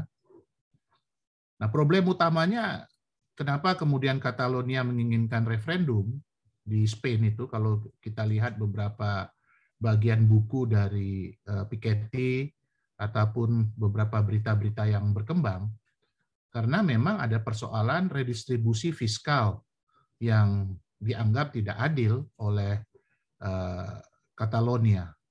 Gitu. Jadi ada proses sentralisasi fiskal dan proses redistribusi fiskal yang dianggap tidak adil oleh provinsi Catalonia terhadap uh, uh, pemerintahan uh, pusat uh, dalam hal ini yang ada di di, di, di Madrid. Nah, apakah itu juga yang terkait dengan apa yang terjadi di Almaty ataupun di Mangistau sebagai pusat gerakan sosial ini yang mungkin perlu didalamin lebih jauh karena pusat gerakan sosial yang disebut oleh Bung apa namanya Dimas tadi sebagai insurgents politics ya movement itu terjadi di wilayah wilayah tersebut kenapa mereka seberani itu. Nah, saya rasa memang problematika eh, utama lagi dalam konteks eh, politik ya tadi udah bicara ekonomi sekarang bicara ekonomi politiknya secara reguler terjadi proses pemilu di Kazakhstan gitu ya. Partai-partai politik juga ada tetapi ya dominan yang terpilih tetap memang eh, Presiden Nur Sultan Nazarbayev sampai kemudian Eh, terakhir di tahun 2019 terjadi peralihan ataupun pergantian pemimpin tetapi dalam sisi eh, kekuasaan tetap dipegang oleh apa namanya ya struktur dan peranata politik yang yang sama. Nah, kalau kita bicara demokrasi, secara prosedural demokrasi berjalan. Tetapi secara sosial atau apa yang kita sebut dengan sosiodemokrasi dalam perspektif eh, pandangan Indonesia, dalam pandangan eh, Bung Karno, eh, Bung Hatta, ini kelihatan yang mampet. Gitu. Aspek partisipatori dalam demokrasi itu, aspek hikmat kebijaksanaan rakyat dalam demokrasi itu yang memang mungkin menjadi pemicu ya dari sebuah apa yang disebut oleh Dimas tadi insurgensi. Nah, redistribusi keadilan sosial memang menjadi penting ya sebagai sebuah syarat mutlak kalau kemudian pengelolaan ataupun ataupun kalau kemudian sebuah negara itu memiliki kekayaan Eh, sumber daya alam yang menjadi basis dari aktivitas ekonominya. Kalau tidak, maka kemudian yang terjadi adalah inequality. Nah, apabila inequality terjadi secara terus-menerus, maka eh, ini akan menimbulkan tentu eh, ketidakpuasan, konflik, dan akhirnya menjadi ketidakstabilan. Kita banyak belajar dari negara-negara terakhir ini, Chili, Kemudian di negara-negara maju yang eh, berkembang hebat juga seperti di eh, Spanyol tadi dengan Catalonia. Tapi pada sisi yang lebih hebat lagi sebenarnya keluarnya Inggris dari Uni Eropa juga sebenarnya bagian daripada persoalan yang ada di dalam Uni Eropa dalam meredistribusi keadilan kalau kita melihat uh, lebih dalam lagi begitu perbincangan yang yang terjadi di di di situ. Jadi mungkin itu tidak sebagai apa namanya ya tambahan bincang-bincang aja dari pengetahuan yang uh, terbatas, data yang juga masih uh, secondary ya dari data-data yang tersedia di berbagai macam uh, sumber di internet yang bisa kami sampaikan sebagai informasi dan sumbang saran aja untuk eh, apa namanya menstimuli bincang-bincang kita ini agar menjadi lebih produktif lagi. Terima kasih. Baik, eh, Pak Arief,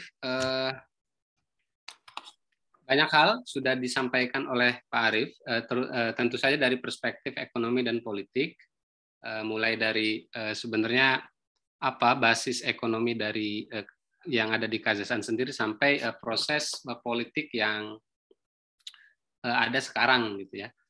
Tentu saja kawan-kawan saya ini sudah hadir beberapa para senior, Pak ada Pak Jerry Marmen, lalu juga ada Pak Pak maaf ini kalau saya salah Pak Teras Narang, salah penyebutan nama, lalu juga ada kawan kita dari uh, mancanegara, uh, saya nggak tahu memanggilnya ini, uh, mungkin temannya Pak Dimas ya, Oh bukan. Yang ya saya akan mengundang Pak. Ini mohon maaf kalau saya salah menyebut nama Pak Sir. Silakan kalau mau berkomentar karena tadi beberapa sudah banyak um, apa namanya mencatat memberikan itu. Uh, sebentar ya. Pak. Ada Fuad Rinaldi. Oke, Pak Fuad ya, Pak Fuad, silakan.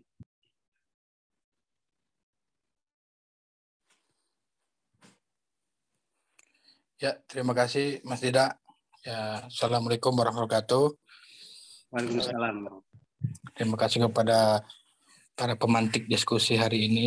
Uh, jadi saya tergelitik itu melihat apa bahwa uh, sorry bisa on cam maaf oh sebentar belum terlihat itu Pak Fuad sebentar sebentar Sudah? Oh ya, sudah, sudah. Sudah ya. Ya, saya tergelitik ketika uh, berbicara tentang uh, bahwa ada proses misalnya otoritarianisme di Kazakhstan. Uh, kita harus melihat bahwa uh, umur uh, umur uh, masa kepemimpinan lama atau tidaknya itu tidak tidak menjadi satu tolak ukur juga bahwa pemimpin itu atau Kazakhstan itu masuk dalam uh, negara yang otoritarianisme. Terbukti bahwa kebebasan berekonomi Kazakhstan itu lebih tinggi daripada Indonesia.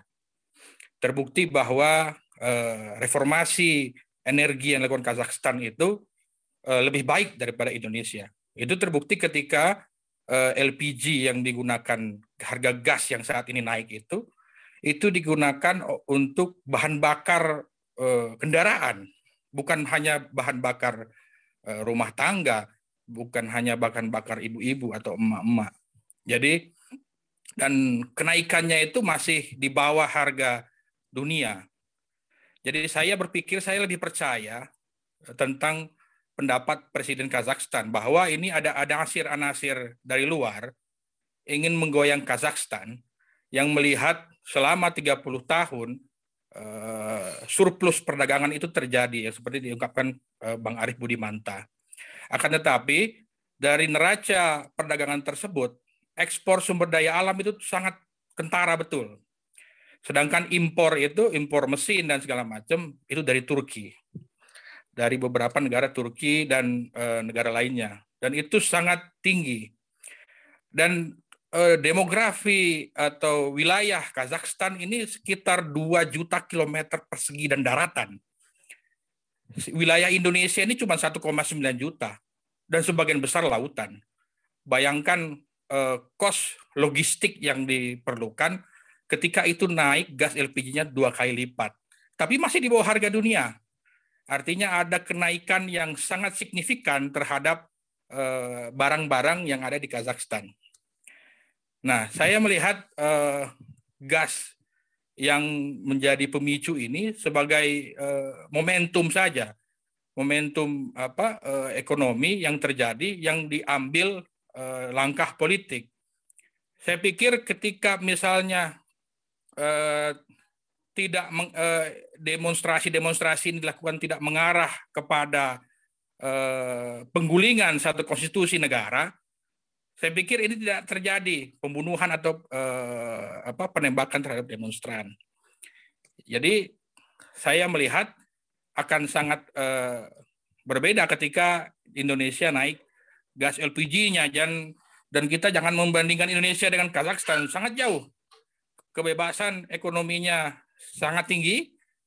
Dia menggunakan LPG ter, apa dengan kendaraannya dan harga gas itu sangat rendah gitu.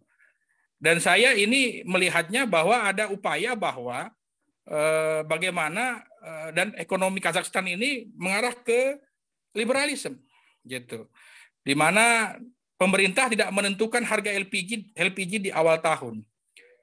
Saya pikir tidak dalam rangka membiarkan, tapi dalam rangka memang ini yang diambil langkah dari eh, diambil dari eh, langkah sistem demokrasi yang diambil malah langkah-langkah ekonomi demokrasi ekonomi itu diambil juga gitu jadi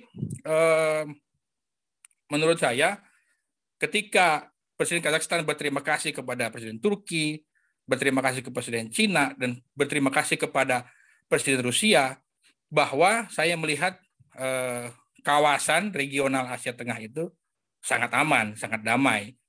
Jadi, seperti itu.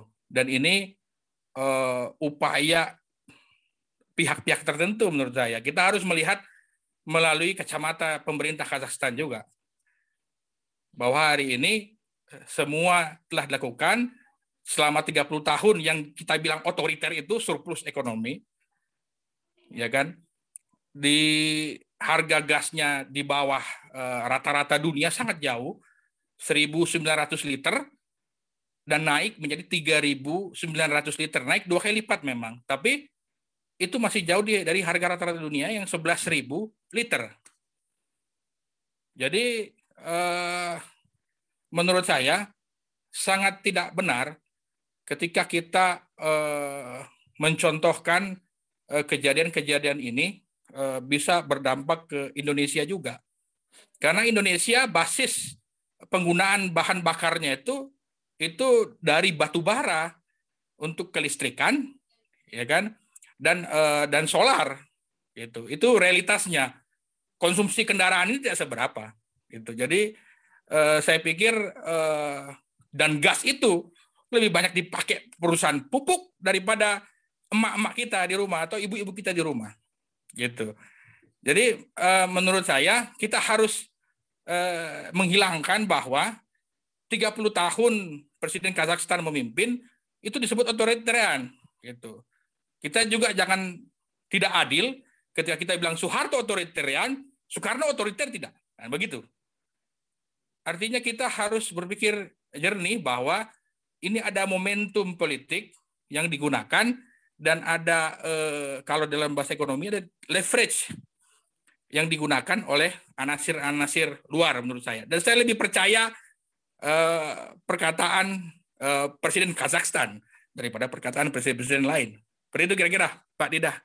Terima kasih. Baik, Pak Fuad. Ini malah uh, Pak Fuad perspektif yang berbeda ini ya tadi. Jadi uh, menarik nanti bisa disampaikan nanti ada penanggap dari kawan-kawan yang lain. Lalu saya uh, ingin mengundang uh, Bung Joshua, uh, kawan kita juga uh, dari dulu uh, Halo Jos, sudah tersambung? Ya, sudah tersambung, Mas Dida. Terdengar ya, suaranya? Uh, langsung saja ya. lah, ya. Oke. Okay. Assalamualaikum warahmatullahi wabarakatuh. Waalaikumsalam. Uh, yang terhormat Pak Ari Budimanta dan para pemantik diskusi sebelumnya ada Pak Dimas Hoki, ada Pak Firda, ada Pak Marbawi. Sebenarnya dalam kesempatan yang berbahagia ini saya ingin berbagi perspektif saya terkait dengan apa yang terjadi di Kazakhstan Um, yang pertama kita ketahui juga bahwa Kazakhstan ini memiliki semacam kesamaan dalam konteks uh, natural resources di seperti di Indonesia di mana uh, Kazakhstan punya kekayaan lewat gas alam, batu bara, kemudian uranium seperti yang disampaikan oleh Pak Ari Budimanta tadi dan sebesar 40% cadangan uranium dunia itu ada di Kazakhstan. Nah, yang kedua secara politik saya coba lihat di um, pemberitaan baik dalam maupun luar negeri, Amerika mulai sibuk, mulai kocar kacir ketika Rusia masuk ke dalam uh, Kazakhstan membantu uh, lewat uh, menurunkan tentara-tentara mereka. Nah, di sini saya coba lihat ternyata kepentingan Amerika ini untuk memastikan bahwa bagaimana uranium yang sebanyak 22% itu yang masuk ke Amerika itu tetap terjaga. Jadi mungkin hanya se sebagai uh, segelintir apalah kekhawatiran mereka ketika Rusia masuk itu tidak terpenuhi lagi. Ini dalam konteks yang lebih sedikit uh, sederhananya. Selanjutnya saya melihat apa yang terjadi di Kazakhstan dalam konteks ini adalah krisis energi ya. telah berlangsung telah terjadi di Haiti dulunya gitu. Jadi waktu tahun 2014 itu Haiti mengalami krisis energi yang besar-besaran dan mengalami krisis pangan, Bung Dida. Jadi pada saat itu bahkan masyarakat Haiti mereka makan makan pun sulit, bahkan ada yang makan dengan bercampur lumpur Itu data dari IMF, uh, working papernya IMF. Dan pada saat itu Lauren Lamonte, Prime Minister dari uh, Haiti, terpaksa mundur karena gejolak krisis uh, energi, krisis pangan, dan bermuara pada krisis politik. Begitu. Nah ini yang terjadi di Kazakhstan kurang lebih sama. Dan uh, krisis politik yang terjadi di Kazakhstan itu uh, saya mau coba kawinkan dengan tesis yang disampaikan oleh uh, Darren Acemoglu dan Robinson di dalam bukunya Why Nations Fail itu dalam konteks institusi negara. Jadi sebagaimana diketahui selama 30 tahun rezim Nur Sultan Nazarbayev itu memimpin dan di tahun 2019 dia melakukan transisi kepemimpinan kepada Tokayev sekalipun Tokayev itu adalah um, underbow lah seperti itu ya. Uh, underbow-nya Nazarbayev gitu. Ternyata dalam konteks ekonomi selama pelaksanaan uh, di bawah kepemimpinannya Nur Sultan itu terjadi praktik monopoli yang besar-besaran dalam hal pengelolaan sumber daya alam seperti gas, uranium yang dikelola oleh mantunya. Mantunya yang bernama Timur Kulibayev itu ya, Timur Kulibayev. Nah, ini yang membuat uh, terjadinya, mencuatnya social jealousy di antara society di Kazakhstan. Sehingga ketika memang harga minyak, harga gas yang terjadi tidak signifikan gitu kan. Tapi itu jadi pemicu, pemicu uh, amukan masyarakat di Kazakhstan. Kemudian yang kedua, saya mencoba melihat dalam konteks ketenaga kerjaannya. Di sini terakhir di tahun 2021 bulan September, tingkat pengangguran di Kazakhstan itu ada di angka 5 persen. Jadi ini mengalami tren peningkatan dibandingkan tahun 2020, tahun sebelumnya. Nah, ini uh, berkaitan dengan konteks uh, perlindungan sosial. Jadi ketika terjadi kerusuhan, Presiden Tokayev bilang bahwa mereka akan melakukan uh, gelontoran dana lewat bantuan sosial kepada masyarakat di uh, di Kazakhstan, kemudian melakukan penurunan uh, harga gas dan bahkan ketika saat itu dia pun katakan dia akan mengambil alih kepimpinan ketua dewan uh, pengaman ya, yang waktu yang di yang sebelumnya ditempati oleh Nur Sultan. Dan itu tidak cukup bagi masyarakat, tidak cukup meredam emosi masyarakat dan masa aksi massa tetap berlangsung. Nah, dari kondisi ini menurut saya sekalipun dalam konteks uh, apa, geopolitiknya yang berbeda dengan Indonesia gitu, ada semacam sebuah pembelajaran lesson learn yang bisa kita petik di mana uh, sebagai dalam bernegara kita mesti memperhatikan pendistribusian uh, kesejahteraan itu betul-betul terjadi di tengah-tengah masyarakat. Gitu. Jadi um, seperti yang disampaikan oleh Mbak Firda tadi, misi untuk melakukan pengentasan uh, kemiskinan ataupun uh, extreme poverty itu mesti dijalankan sesegera mungkin oleh Indonesia, oleh pemerintah, sehingga apa yang terjadi di Kazakhstan, di mana social jealousy antar masyarakat itu menjadi pemantik terjadinya uh, people movement, itu tidak terjadi di Indonesia. Nah, kemudian yang kedua, ada peran yang bisa diberikan kepada anak-anak muda, karena di Kazakhstan sendiri mereka bilang seperti kata Pak Marbawi tadi bilang keluarlah orang-orang tua. Itu maksudnya Nur Sultan tadi kan Nur Sultan. Salket kalau kata bahasa eh, Kazakhstan ya kan. Berarti memaksa uh, orang-orang tua itu untuk tidak uh, bercokol terlalu lama di dalam uh, tataran politik maupun ekonomi di Kazakhstan dan digantikan oleh anak-anak uh, yang memiliki pemikiran tadi terhadap kesejahteraan masyarakat, pengentasan kemiskinan, dan penurunan kesenjangan sosial. Nah itu mungkin sedikit pandangan dari saya, Bung Dida dan teman-teman Bapak Ibu sekalian. Kurang lebihnya saya ucapkan terima kasih. Assalamualaikum warahmatullahi wabarakatuh. Waalaikumsalam warahmatullahi wabarakatuh. Baik, uh, Jos terima kasih uh, sudah berkomentar dan memang uh, tadi ada beberapa hal ya tentang ya institusi negara mengutip uh, Why Nations Fail. Lalu juga ternyata ada di sana ada juga isu soal ketenaga kerjaan. Uh, baik, selanjutnya saya ingin mengundang uh, Pak Jerry Marmen kalau bersedia, Pak Jerry. Uh, terima ya, silakan, kasih. Pak Jerry. Ya. Terima kasih Mas Dida. Assalamualaikum warahmatullahi wabarakatuh. Uh, Mbak Firda, kemudian uh, Pak Marbawi, Mas Dimas, dan juga uh, Pak Arif Unimanta, serta tadi para penanggap telah uh, menyampaikan pemikiran yang cukup lengkap ya. Saya mau sekedar mengisi dari sisi pragmatisnya.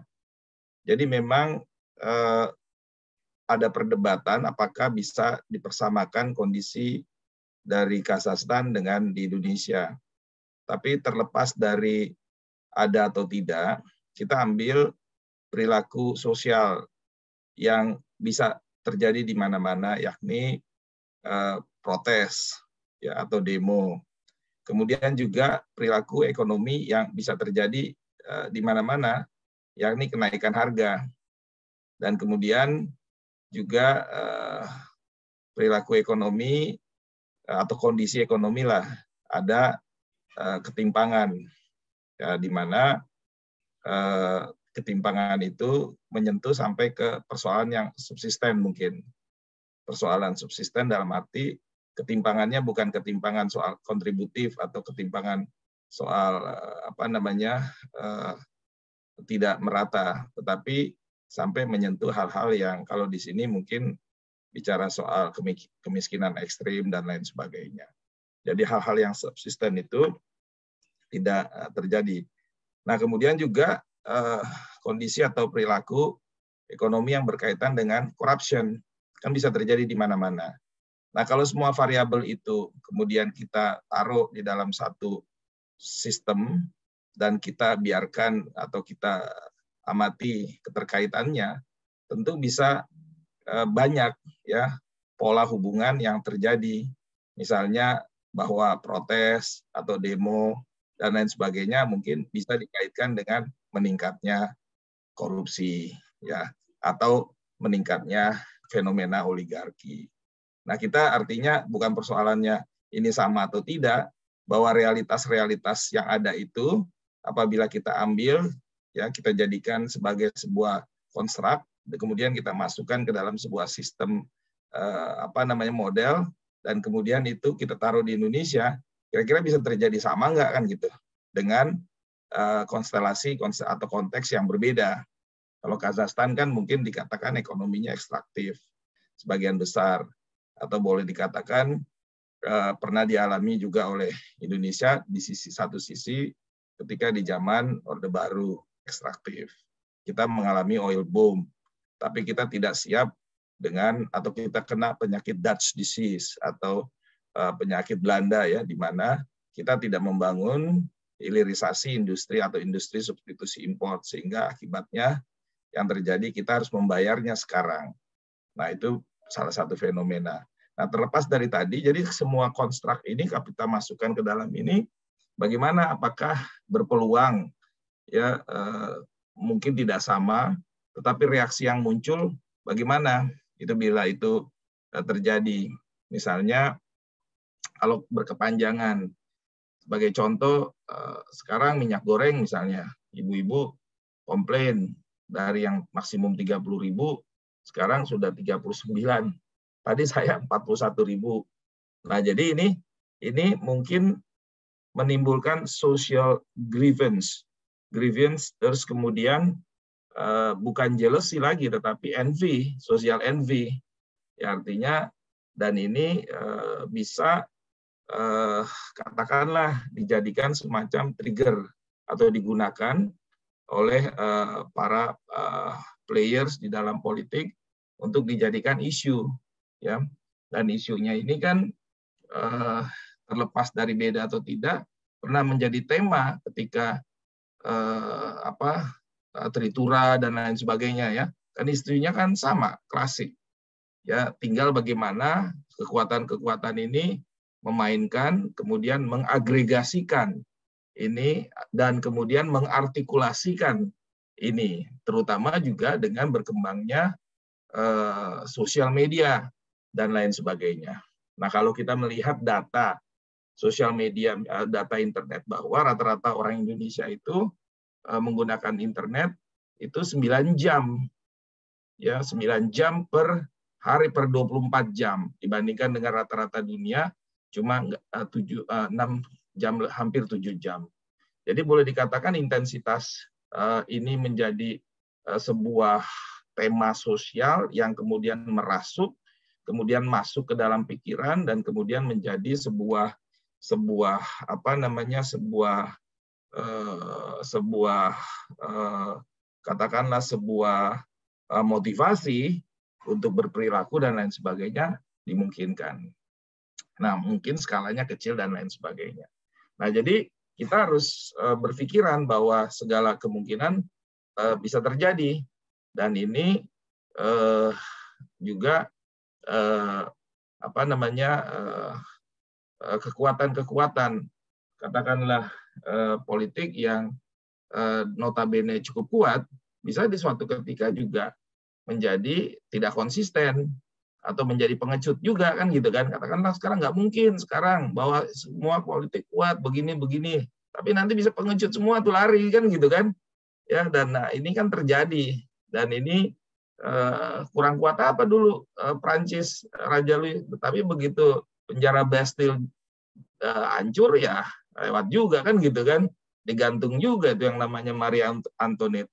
Nah jadi ini ini uh, harus juga Eh, menjadi eh, pemikiran supaya eh, jangan sampai proses transisi yang terjadi adalah transisi yang merugikan kan gitu kan tetapi proses transisi yang boleh dikatakan smooth ya menuju kepada apa yang kita inginkan di cita-cita nasional yakni masyarakat sejahtera. Jadi proses untuk memasuki gerbang bukan hanya sampai pada pintu gerbang ya sehalus mungkin ya jangan perlu sampai gerbangnya harus rusak atau apa atau jalanan menuju gerbang itu menjadi hancur. Nah, ini kan mekanisme ini uh, perlu kita pikirkan sebagai katakanlah uh, kelompok sosial yang mempunyai kemampuan untuk uh, melakukan antisipasi dan melakukan rekayasa sosial yang positif. Nah, kontribusi pemikiran Megawati Institute saya rasa perlu kita kembangkan dalam kerangka kita yang sudah sampai pintu gerbang ini bisa masuk ke dalam gerbang melalui sebuah proses uh, manajemen transisi ya bukan sekedar manajemen perubahan tapi manajemen uh, transisi yang benar-benar smooth. Nah, pemikiran-pemikiran ini tentu uh, menjadi hal yang menarik bagaimana uh, dari sisi ekonomi ya kondisi misalnya adjustment atau adaptasi terhadap uh, kondisi Covid bisa kita kaitkan dengan fenomena ya ter, apa memburuknya ekonomi dan lain sebagainya kemudian kita kita eh, kaitkan dengan konstruk-konstruk sosial yang kira-kira bisa eh, counterproduktif dan lain sebagainya. Nah, dari sini saya melihat bahwa ada beberapa tema yang menjadi penting bagi kita. Yang pertama adalah kita harus meningkatkan governance, eh, artinya dari sisi penataan negara, ya penataan negara dalam pengertian bahwa governance ini membutuhkan dari satu sisi eh, trans, transparansi dan juga kejelasan ya sedemikian rupa uh, agar uh, peran semua institusi uh, politik maupun institusi kemasyarakatan itu menempatkan diri secara jelas ya bagi-bagi tugasnya segregation of duty-nya dan lain sebagainya. Dalam kaitan dengan ini tentu perlu banyak komunikasi supaya jangan si A mengambil porsi ini, si B mengambil porsi ini dan lain sebagainya dan harus ada ketegasan tanggung jawab siapa yang harus mensukseskan ya apa konsensus ini. Misalnya yang berkaitan dengan uh, omnibus law atau uh, cipta kerja harus jelas. Jangan sampai nanti dilepas dan lain sebagainya akhirnya presiden misalnya mengalami kesulitan sendiri. Siapa yang bertanggung jawab itu? Jangan udah begini uh, pada ngumpet kan dan lain sebagainya kan gitu pada main salah-salahan ini harus clear gitu loh partai politik di mana juga harus menempatkan diri karena ini kan proses penting dalam kerangka untuk transformasi bangsa kalau itu dipercaya demikian kalau enggak ya ya uh, kalau dari gejalanya saling diam dan lain sebagainya itu susah ya presiden sudah jelas itu harus diselesaikan dan ini menjadi bagian yang menjadi sangat penting Nah ini governance ini, bicara ini. Governance dalam kaitan dengan ini juga menyangkut soal komitmen dan leadership. Nah leadership dari institusi resmi bagaimana mengawal ini menjadi diteruskan atau tidak. Kan begitu. Dan ini harus ada komitmen bersama. Bagaimana DPR, ya bagaimana partai politik yang eh, apa namanya menjadi basis dari eh, DPR itu dan kemudian bagaimana lembaga negara, kementerian dan lain sebagainya yang bertanggung jawab untuk ini untuk meneruskan. Nah, ini hal yang sangat mendasar kalau kita meyakini bahwa Undang-Undang Cipta Kerja ini merupakan satu bagian yang sangat penting dalam proses transformasi ekonomi Indonesia ke depan. Dan kemudian eh, tadi menyangkut leadership dan eh, komitmen kepemimpinan. Saya rasa dua hal ini yang menjadi dasar selain juga yang berkaitan dengan aspek eh, bagaimana eh, strategi eh, apa namanya Eh, regulasinya dan kemudian juga kerangka dari segi pendanaan dan juga bagaimana eksekusi dari sisi eh, penataan program. Tapi saya mau masuk ke dua hal yang berkaitan yang menurut saya sangat penting tadi, governance dan kerangka politik ya tidak sekedar melihat dari sisi formal dari segi trias politikanya saja, tapi siapa yang mengerjakan ini kan sudah merupakan konsensus nasional cipta kerja ini jangan didiamkan begitu saja pada ngumpet dan lain sebagainya misalnya dan kedua adalah leadership dan komitmen. Saya rasa demikian. Baik, Pak Jerry, terima kasih atas eh, pandangannya. Eh, di grup chat, eh di grup chat, di chat ini juga ada beberapa ada pertanyaan, terutama soal dari Putra Pratama. Izin bertanya bagaimana energi memengaruhi kondisi sosioekonomi di Indonesia. Apakah ada potensi Indonesia menaikkan energi juga seperti Kazakhstan dan apa dampaknya. Nah ini mungkin bisa dijawab oleh eh, Kak Firda ya dan juga bisa ditanggapi oleh yang lain. Uh, tapi sebelumnya mungkin terakhir saya ingin minta uh, Bang Umar. Halo Bang Umar. Halo, tidak. Ya, ya Bang Umar silakan. Ini ya, nggak afdol kalau nggak minta Bang Umar berkomentar. Oke, siap. Terima kasih Mas Dida. Uh, salam kenal teman-teman semua. Uh, salam hormat senior-senior, Pak Arief, uh, Bang Jerry, dan teman-teman.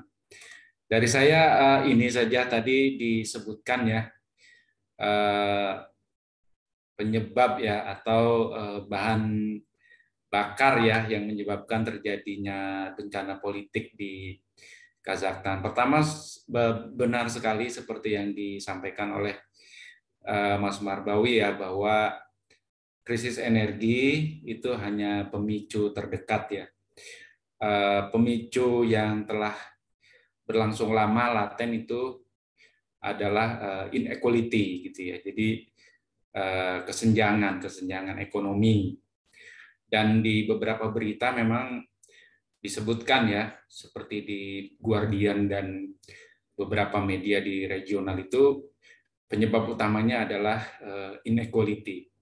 Di Kazakhstan itu populasi 18 juta, 18,9 juta, dan rata-rata uh, penghasilan penduduk dewasa itu secara nasional adalah 22 ribu uh, setara dengan euro ya, 22 ribu 800 sekian gitu ya. Kalau di Indonesia itu eh, per national income-nya itu adalah 11.600 kurang lebih seperti itu. Nah, tadi eh, sekedar melengkapi data saja bahwa memang ada kemiripan ya eh, inequality di Kazakhstan dengan di Indonesia. Ini saya mengutip dari World Inequality Database yang dari uh, Piketty ya bahwa 100 10 persen penduduk terkaya itu menguasai 42 persen national income. Sementara eh, di Indonesia itu 10 persen penduduk terkaya menguasai 48 persen national income. Dan satu persen penduduk terkayanya itu di Kazakhstan menguasai 15 persen national income. Dan bottom penduduk di bottom lainnya 50 persen di bottom itu hanya 16 persen. Sementara kalau di Indonesia itu 18 persen dikuasai oleh eh, satu persen penduduk eh, Indonesia. Satu persen penduduk Indonesia menguasai 18 persen eh, national income. Jadi ada kemiripan gitu ya. Nah, eh, apakah ini bisa saja terjadi, eh, Mas Dida, seperti yang di Kazakhstan menurut saya masih terlalu jauh ya, masih terlalu jauh karena hal yang tidak terjadi di Indonesia adalah dari sisi politik dan governmentnya di sana mungkin seperti yang disebutkan bahwa politik itu adalah distribution of surplus sementara di Kazakhstan itu tidak tidak berjalan distribution of surplus karena di sana adalah uh, pemerintahan otoriter gitu ya Apalagi kalau kita ingat bahwa government itu adalah economic actor, tidak hanya sebagai regulator tapi juga ekonomi aktor. Di sana sudah uh, tidak berjalan. Jadi itu terjadi. Sementara di Indonesia kita masih berharap bahwa uh, distribution of surplus dari dari proses politik masih berjalan dan pemerintah ini masih berlaku uh, seperti yang saya lihat dari jauh itu adalah Eh, government sebagai ekonomi aktor gitu. Itu masih masih berjalan gitu ya. Nah ini itu satu pandangan saya ya. Nah yang berikutnya adalah eh, terkait dengan geopolitik ya ya mungkin eh, Indonesia itu tidak se, ser, tidak beresiko seperti di Kazakhstan di mana Eh, Kazakhstan itu diapit oleh dua negara besar, eh, Rusia dan Cina, begitu ya. Sementara di negara tetangganya seperti eh, Azerbaijan sebelumnya itu bersama Armenia itu sudah terjadi huru hara gitu ya bersama di mana di situ ada Turki dan Rusia begitu ya. Jadi ini sebetulnya kekuatan non Amerika yang saya lihat non Amerika juga antara uh, Amerika dan negara-negara Barat, Eropa juga dengan negara-negara non Amerika yang selama ini mengklaim sebagai pengimbang gitu ya, seperti Rusia, Cina dan uh, Turki begitu. Jadi ada kekuatan kekuatan asing juga saya lihat seperti seperti yang terjadi di uh, apa Azerbaijan dan uh, Armenia uh, belum lama ini. Mungkin itu Eh, Mas Lidah, catatan sedikit dari saya. Bang Umar, uh, terima kasih. Uh, ada dua hal ya tentang government sebagai aktor yang lalu yang kedua juga tentang uh, geopolitik yang sebenarnya ya kita relatif ya relatif ya relatif aman karena demokrasi kita uh, dengan segala kekurangannya ya berjalan dengan baik lah gitu ya.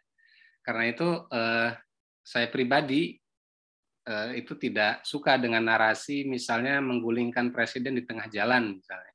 Karena itu kan bukan tradisi yang baik untuk demokrasi kita, untuk demokrasi di mana pun. Dengan segala kekurangan ya selesaikan saja masa jabatannya untuk stabilitas politik. Uh, ini kita sudah pukul 9 malam dan saya pikir saya ingin kembali ke uh, para pemantik tadi antara lain uh, tadi ada pertanyaan untuk Kak Firda tentang energi. Kalau mau silakan.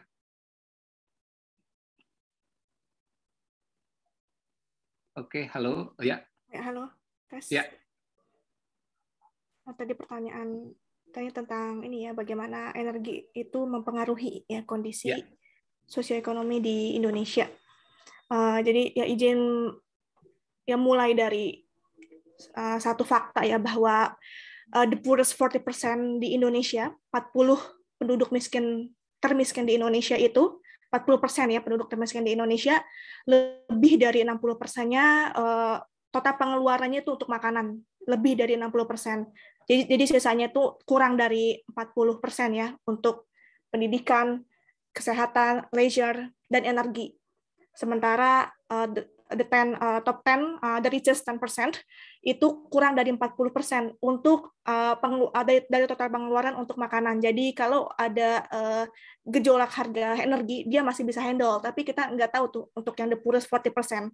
Ini bisa uh, semoga bisa terjawab ya dari gambaran ini ya. Nah, sementara itu kita juga bisa melihat ya bagaimana pengaruh dari uh, energi terhadap uh, kesejahteraan sosial.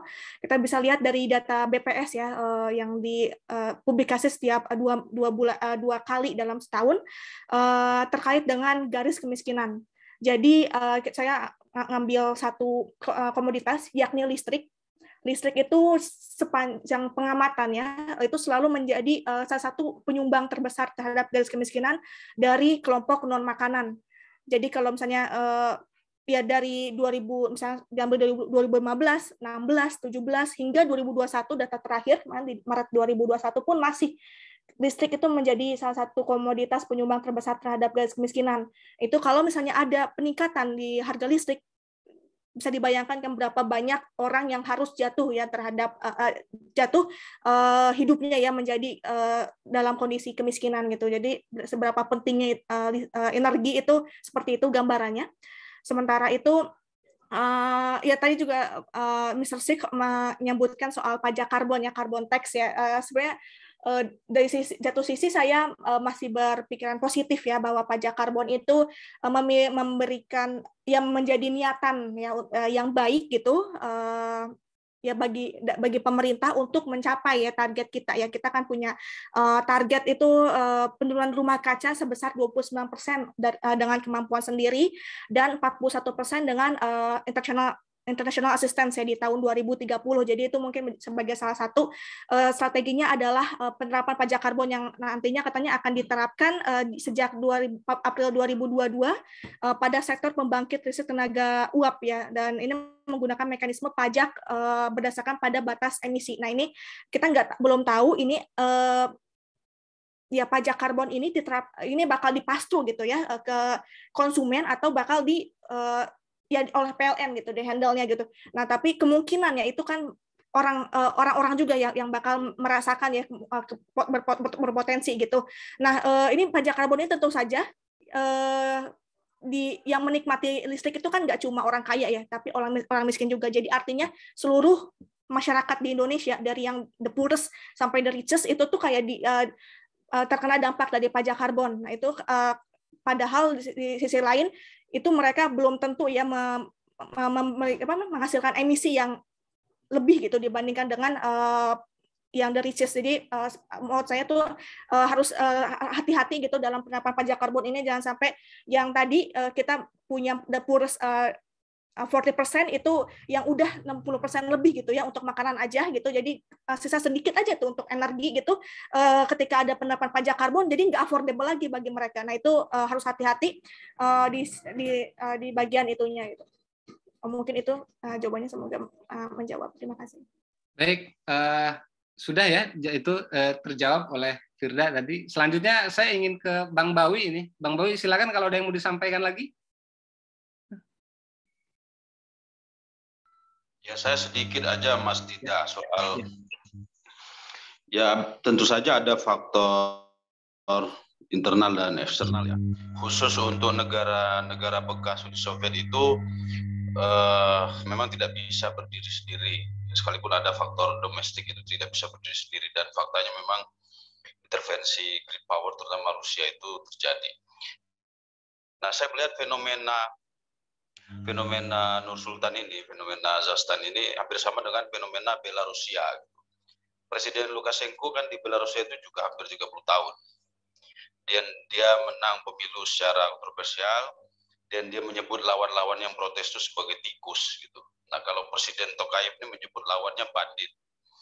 Ini khas eh, apa namanya karena merasa kuat dengan backingan Rusia. Gitu Nah, kita tidak tahu seberapa jauh perkembangan ini karena uh, kerusuhan menjalar cepat ya, bukan cuma di kota utama Almaty maupun um, apa yang terkenal itu kota yang di dekat Laut Kaspia itu juga uh, dulu pernah uh, melakukan protes besar-besaran gitu ya.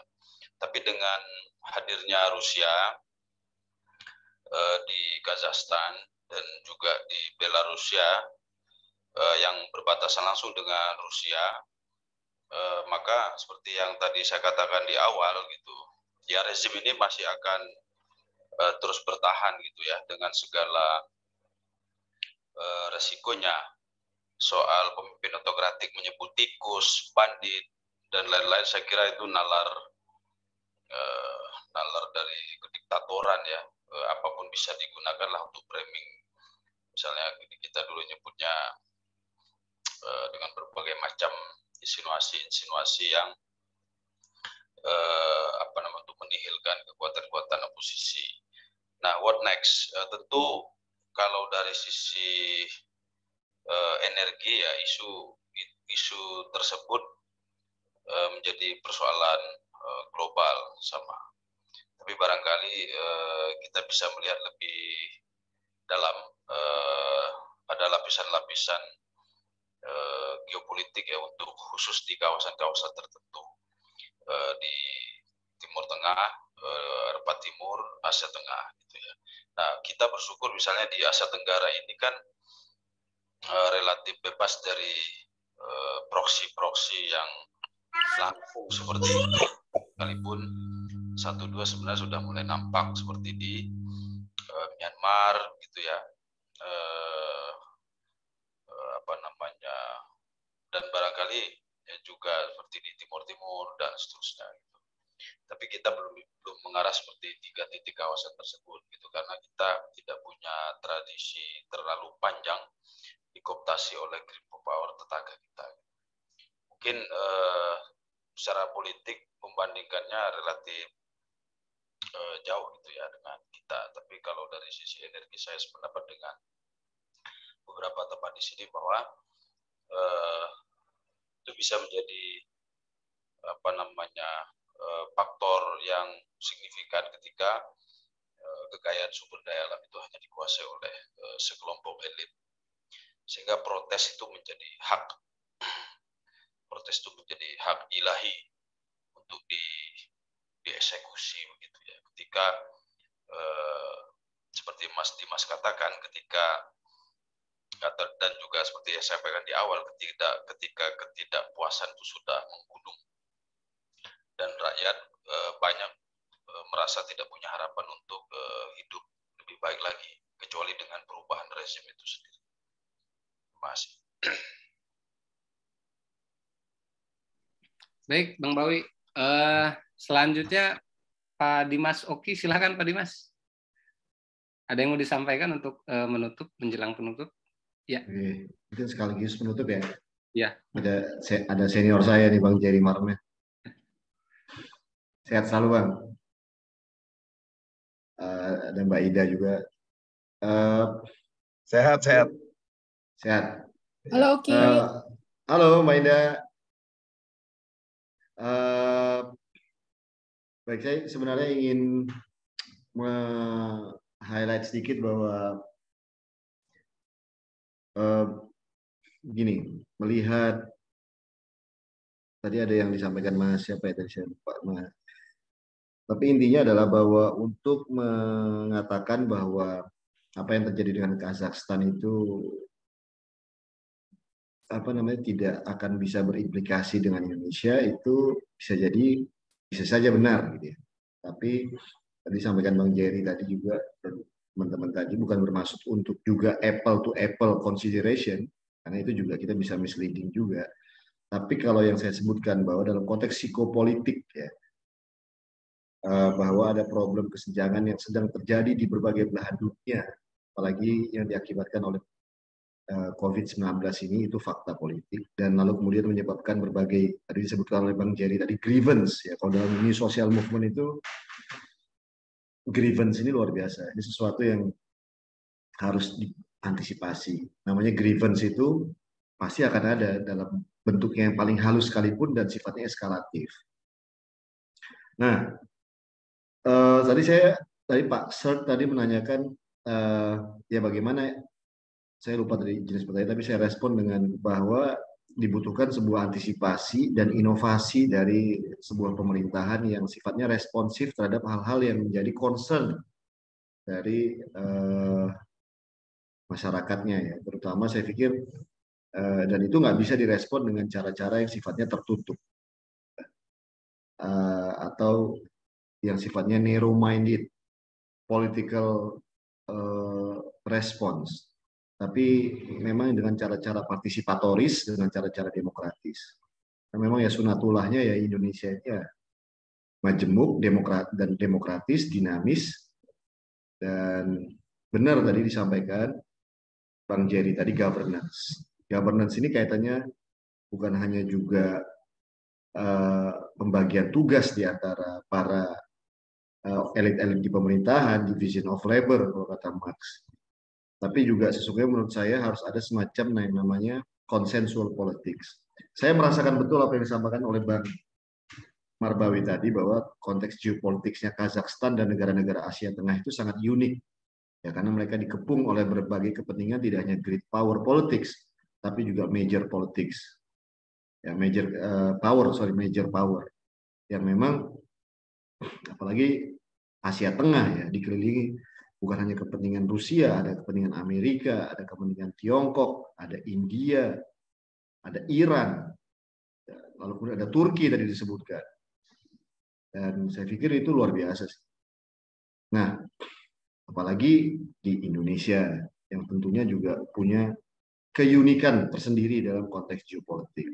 Nah, satu sisi betul bahwa kita membutuhkan stability, kita butuh yang namanya national resilience, tapi juga bahwa national resilience yang berdiri di atas sebuah retorika-retorika yang sifatnya setback dalam kaitannya untuk bagaimana mewadahi dinamika politik yang sifatnya inherent ya, dalam konteks Indonesia secara historis dan ekonomi politik itu agak mustahil menurut saya karena justru kecenderungan atau bahkan tertutup. Nah yang bisa kita lakukan adalah makanya saya bilang tadi kita butuh pemerintahan yang eh, apa namanya yang cukup akomodatif lalu juga dia inovatif mampu satu sisi dia tahu bahwa ini dalam kaitannya dengan governance how to manage and how to be a ruler ya kan yang yang strong. Tapi di saat yang sama dia juga nggak bisa keluar dari dinamika politik Indonesia yang sangat khas dan sangat secara sosial politik historis itu memang yang namanya populisme di satu sisi dan demokratisme itu sesuatu yang apa ya kondisio sine qua non yang sesuatu yang tidak bisa terhindarkan jadi agak keras kadang-kadang ya salah, terlalu lunak ya nggak bener. Jadi kalau Anda nonton Kingsman itu ya kan dijelaskan tuh yang terbaru. Kalau Anda mau jadi pemimpin, statement itu yang menjadi statement itu ya bisa terlalu sopan yang menjadi karena dia mewadahi kalau untuk Indonesia 250 juta rakyat Indonesia harus dia lindungi. Bukan hanya martabatnya tapi juga perutnya dan masa depan dari anak cucu keturunan kemuliaannya dan kesejahteraan menurut saya itu yang paling penting dan itu mencapai cita-cita apa namanya kemerdekaan proklamasi kita. Dan jadi saya pikir yang paling penting itu adalah antisipasi. Karena anything could happen. Itu bisa terjadi. Karena namanya grievance dari kecil jika dia tidak diantisipasi, maka dia akan eskalatif sifatnya. Itu menjadi social movement. Isu apa aja bisa jadi. Ya, kita nggak pernah nyangka uh, apa namanya uh, situasi itu dan sering kali, nah, apalagi sekarang momentumnya adalah tentang isu tentang kesenjangan. Apalagi kaitannya tadi disebut energi. Disebut. Tadi disebutkan soal Kazakhstan. Saya langsung riset di UN sih. Tapi Kazakhstan itu punya juga problem-problem. Memang mereka negara muda dan mereka cukup kaya. Tapi at the same time angka korupsinya juga tinggi. Tadi disebutkan Pak Ser tadi menyebutkan berkali-kali soal korupsi. Lalu kemudian uh, apa namanya kesenjangan antara kota urban dengan sekitarnya itu juga luar biasa rural areanya sangat uh, suffer dengan uh, under development.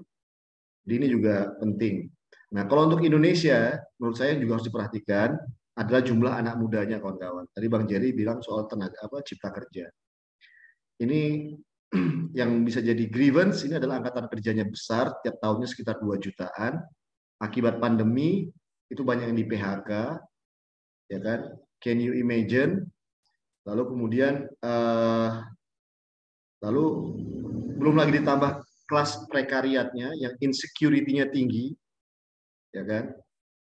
Dan jika ada satu grievance saja yang sifatnya kaitannya dengan uh, apa namanya sustainability dengan livelihood dan itu kemudian bisa terjadi dalam sebuah konteks politik yang tidak konsensual ya, secara domestik ditambah lagi dengan regional politics dan global politics yang apa namanya tarik menarik dan pemerintahnya tidak ada sebuah inovasi dan sebuah uh, kebijaksanaan atau kebijakan-kebijakan yang sifatnya mampu antisipatif, ya kan? Menurut saya ini sesuatu. Dan anak muda sering kali menjadi motor perubahan. Itu terjadi tadi disebut oleh Bang Pak Andi Ade Budimanta di Chili, lalu kemudian kita lihat juga apa isu artinya isu soal ketenaga kerjaan lapangan kerja baru dan seterusnya ini menjadi sesuatu yang penting. Kita mungkin melihat negara hari ini masih cukup kuat dalam memfasilitasi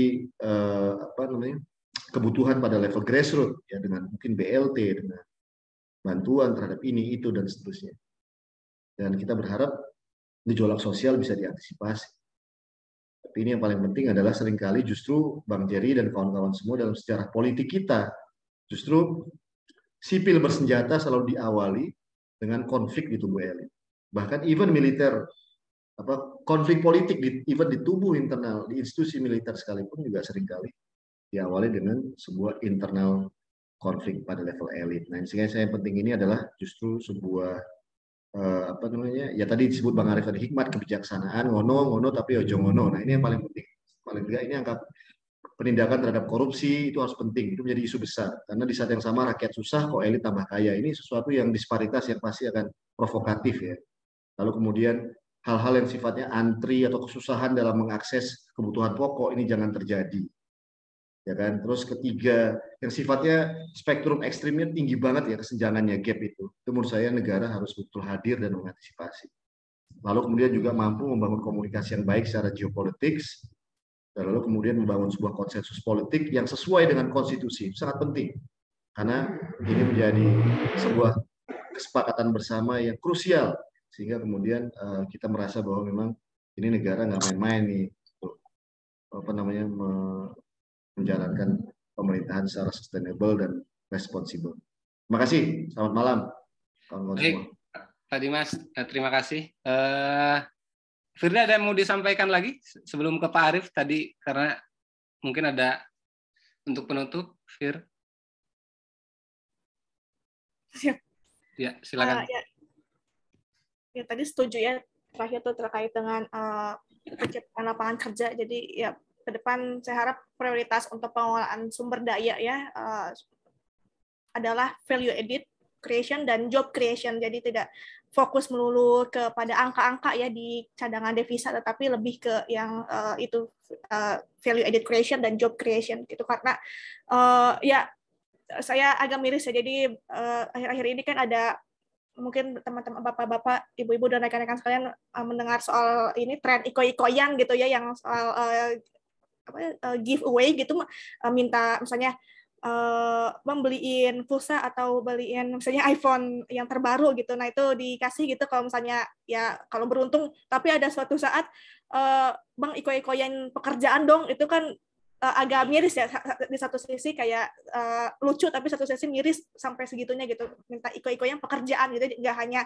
mereka minta yang material tapi benar-benar memang butuh gitu pekerjaan yang seharusnya uh, dipenuhi ya oleh negara gitu dalam menciptakan lapangan pekerjaan yang masif dan berkualitas gitu. itu aja. Terima kasih. Uh, baik uh, terima kasih Fir. Uh, silakan Pak Arif.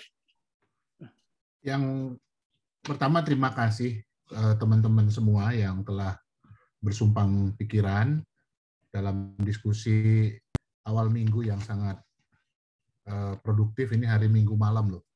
Jadi kita bisa aktif berdiskusi lebih dari 30 orang.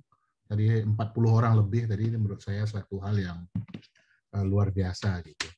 Makasih atas nama Megawati Institute. Nah, kemudian yang kedua kita tahu bahwa dalam konteks Indonesia proses transformasi struktur perekonomian juga terus terjadi.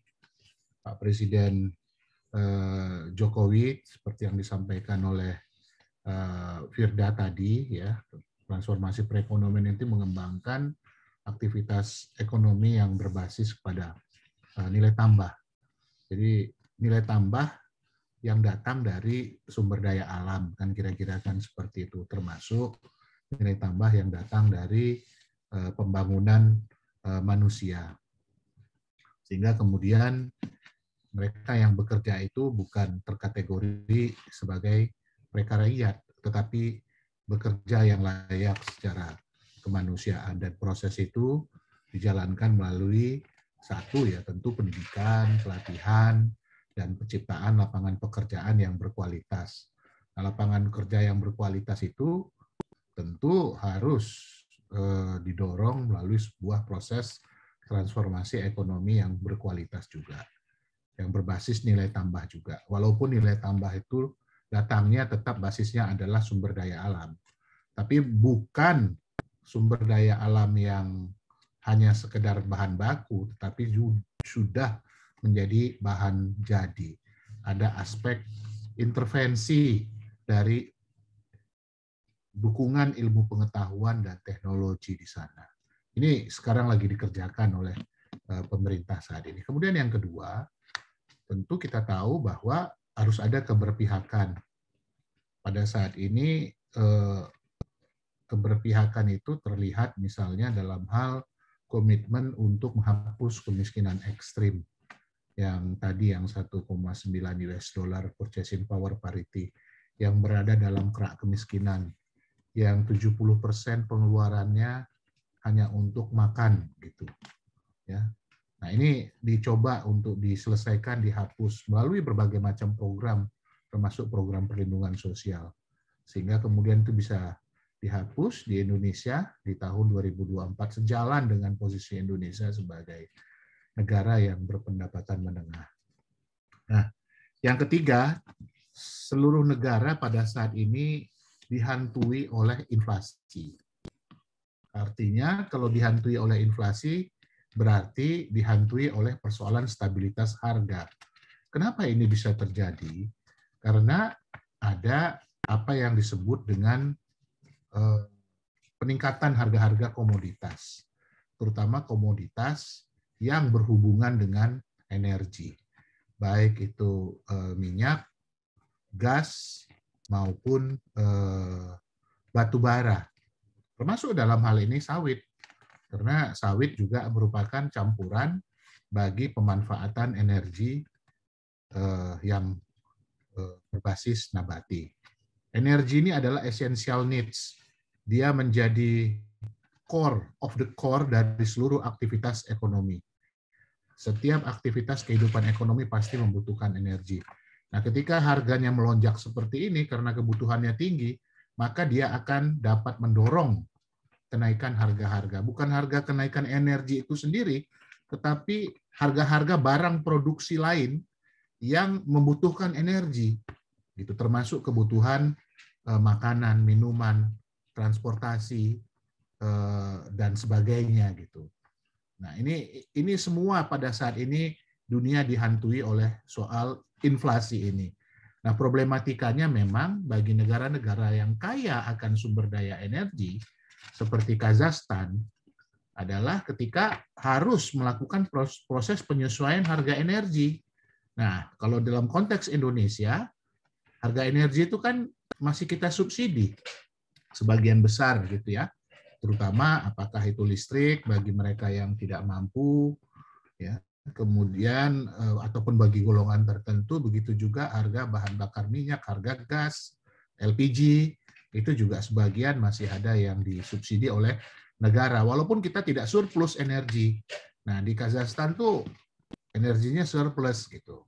Nah Artinya dalam konteks ini apa yang ingin kami katakan bahwa pengendalian harga, stabilitas stabilitas harga, terutama harga kebutuhan bahan pokok itu menjadi penting untuk dijaga dalam kondisi eh, apa pun karena ini menyangkut essential needs daripada eh, masyarakat daripada rakyat dalam suatu negara.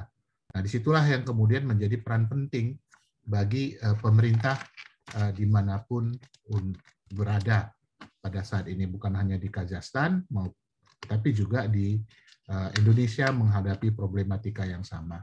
Tapi komitmen dalam melakukan pengendalian harga ini saya melihat ditunjukkan sangat serius oleh Bapak Presiden Jokowi terutama terkait dengan harga energi dengan memberikan arahan agar misalnya Eh, tentang ketaatan pemanfaatan eh, energi itu untuk kepentingan domestik yang utama. Artinya kepentingan domestik ya kepentingan rakyat yang utama. Rakyat ya rakyat Indonesia gitu. Sehingga itu implikasinya dalam konteks untuk mengendalikan harga. Begitu juga misalnya terkait dengan eh, hasil-hasil olah, olahan sumber daya eh, alam yang berbasis perkebunan dalam hal ini sawit, minyak goreng gitu. Itu juga sudah disampaikan bahwa harus diutamakan untuk kebutuhan eh, domestik. Ini adalah bagian daripada strategi pengendalian harga dalam kerangka juga untuk menjaga stabilitas harga yang implikasinya adalah menjaga stabilitas politik, menjaga stabilitas perdamaian. Yang intinya adalah menjaga aspek sustainability dari kehidupan dan pembangunan. Saya rasa mungkin saya berhenti di situ. Sekali lagi terima kasih teman-teman semua atas sumbangan yang kontributif pada malam hari ini. Kita akan berjumpa kembali dalam agenda-agenda uh, pembahasan diskusi bersama dengan Megawati Institute dalam waktu-waktu yang akan datang. Terima kasih Bung Dida, Firda, uh, Mas Dimas, kemudian Mas Marbawi, teman-teman semua, Mas Sik, kemudian ada Mbak Indah, Selamat malam. Assalamualaikum warahmatullahi wabarakatuh. Silakan di Waalaikumsalam warahmatullahi wabarakatuh. Baik, eh, kawan-kawan, saya pribadi juga mengucapkan terima kasih kepada eh, Firda sudah bersedia mengisi meluangkan waktu untuk mengisi bincang-bincang ini, lalu juga Bang Marbawi dan Pak Dimas Oki Nugroho. Terima kasih banyak eh, ya, karena sudah bersedia meluangkan waktu dan saya pikir saya tidak akan berpanjang-panjang untuk menutup bincang-bincang kita hari ini. Yang jelas bahwa eh, apa yang kita diskusikan itu akan kami dokumentasikan. Eh, maksudnya akan Megawati Institute dokumentasikan agar ke depan itu bisa menjadi semacam eh, paper kebijakan ya, policy paper dan bisa jadi bahan kajian untuk dikaji lebih jauh. Terima kasih. Eh, selamat malam. Eh, Assalamualaikum warahmatullahi wabarakatuh. Waalaikumsalam. Waalaikumsalam. Masih Rida, Mas Terima kasih. Terima kasih. Izin semuanya. Semua narasumber, pemantik, terima kasih semuanya.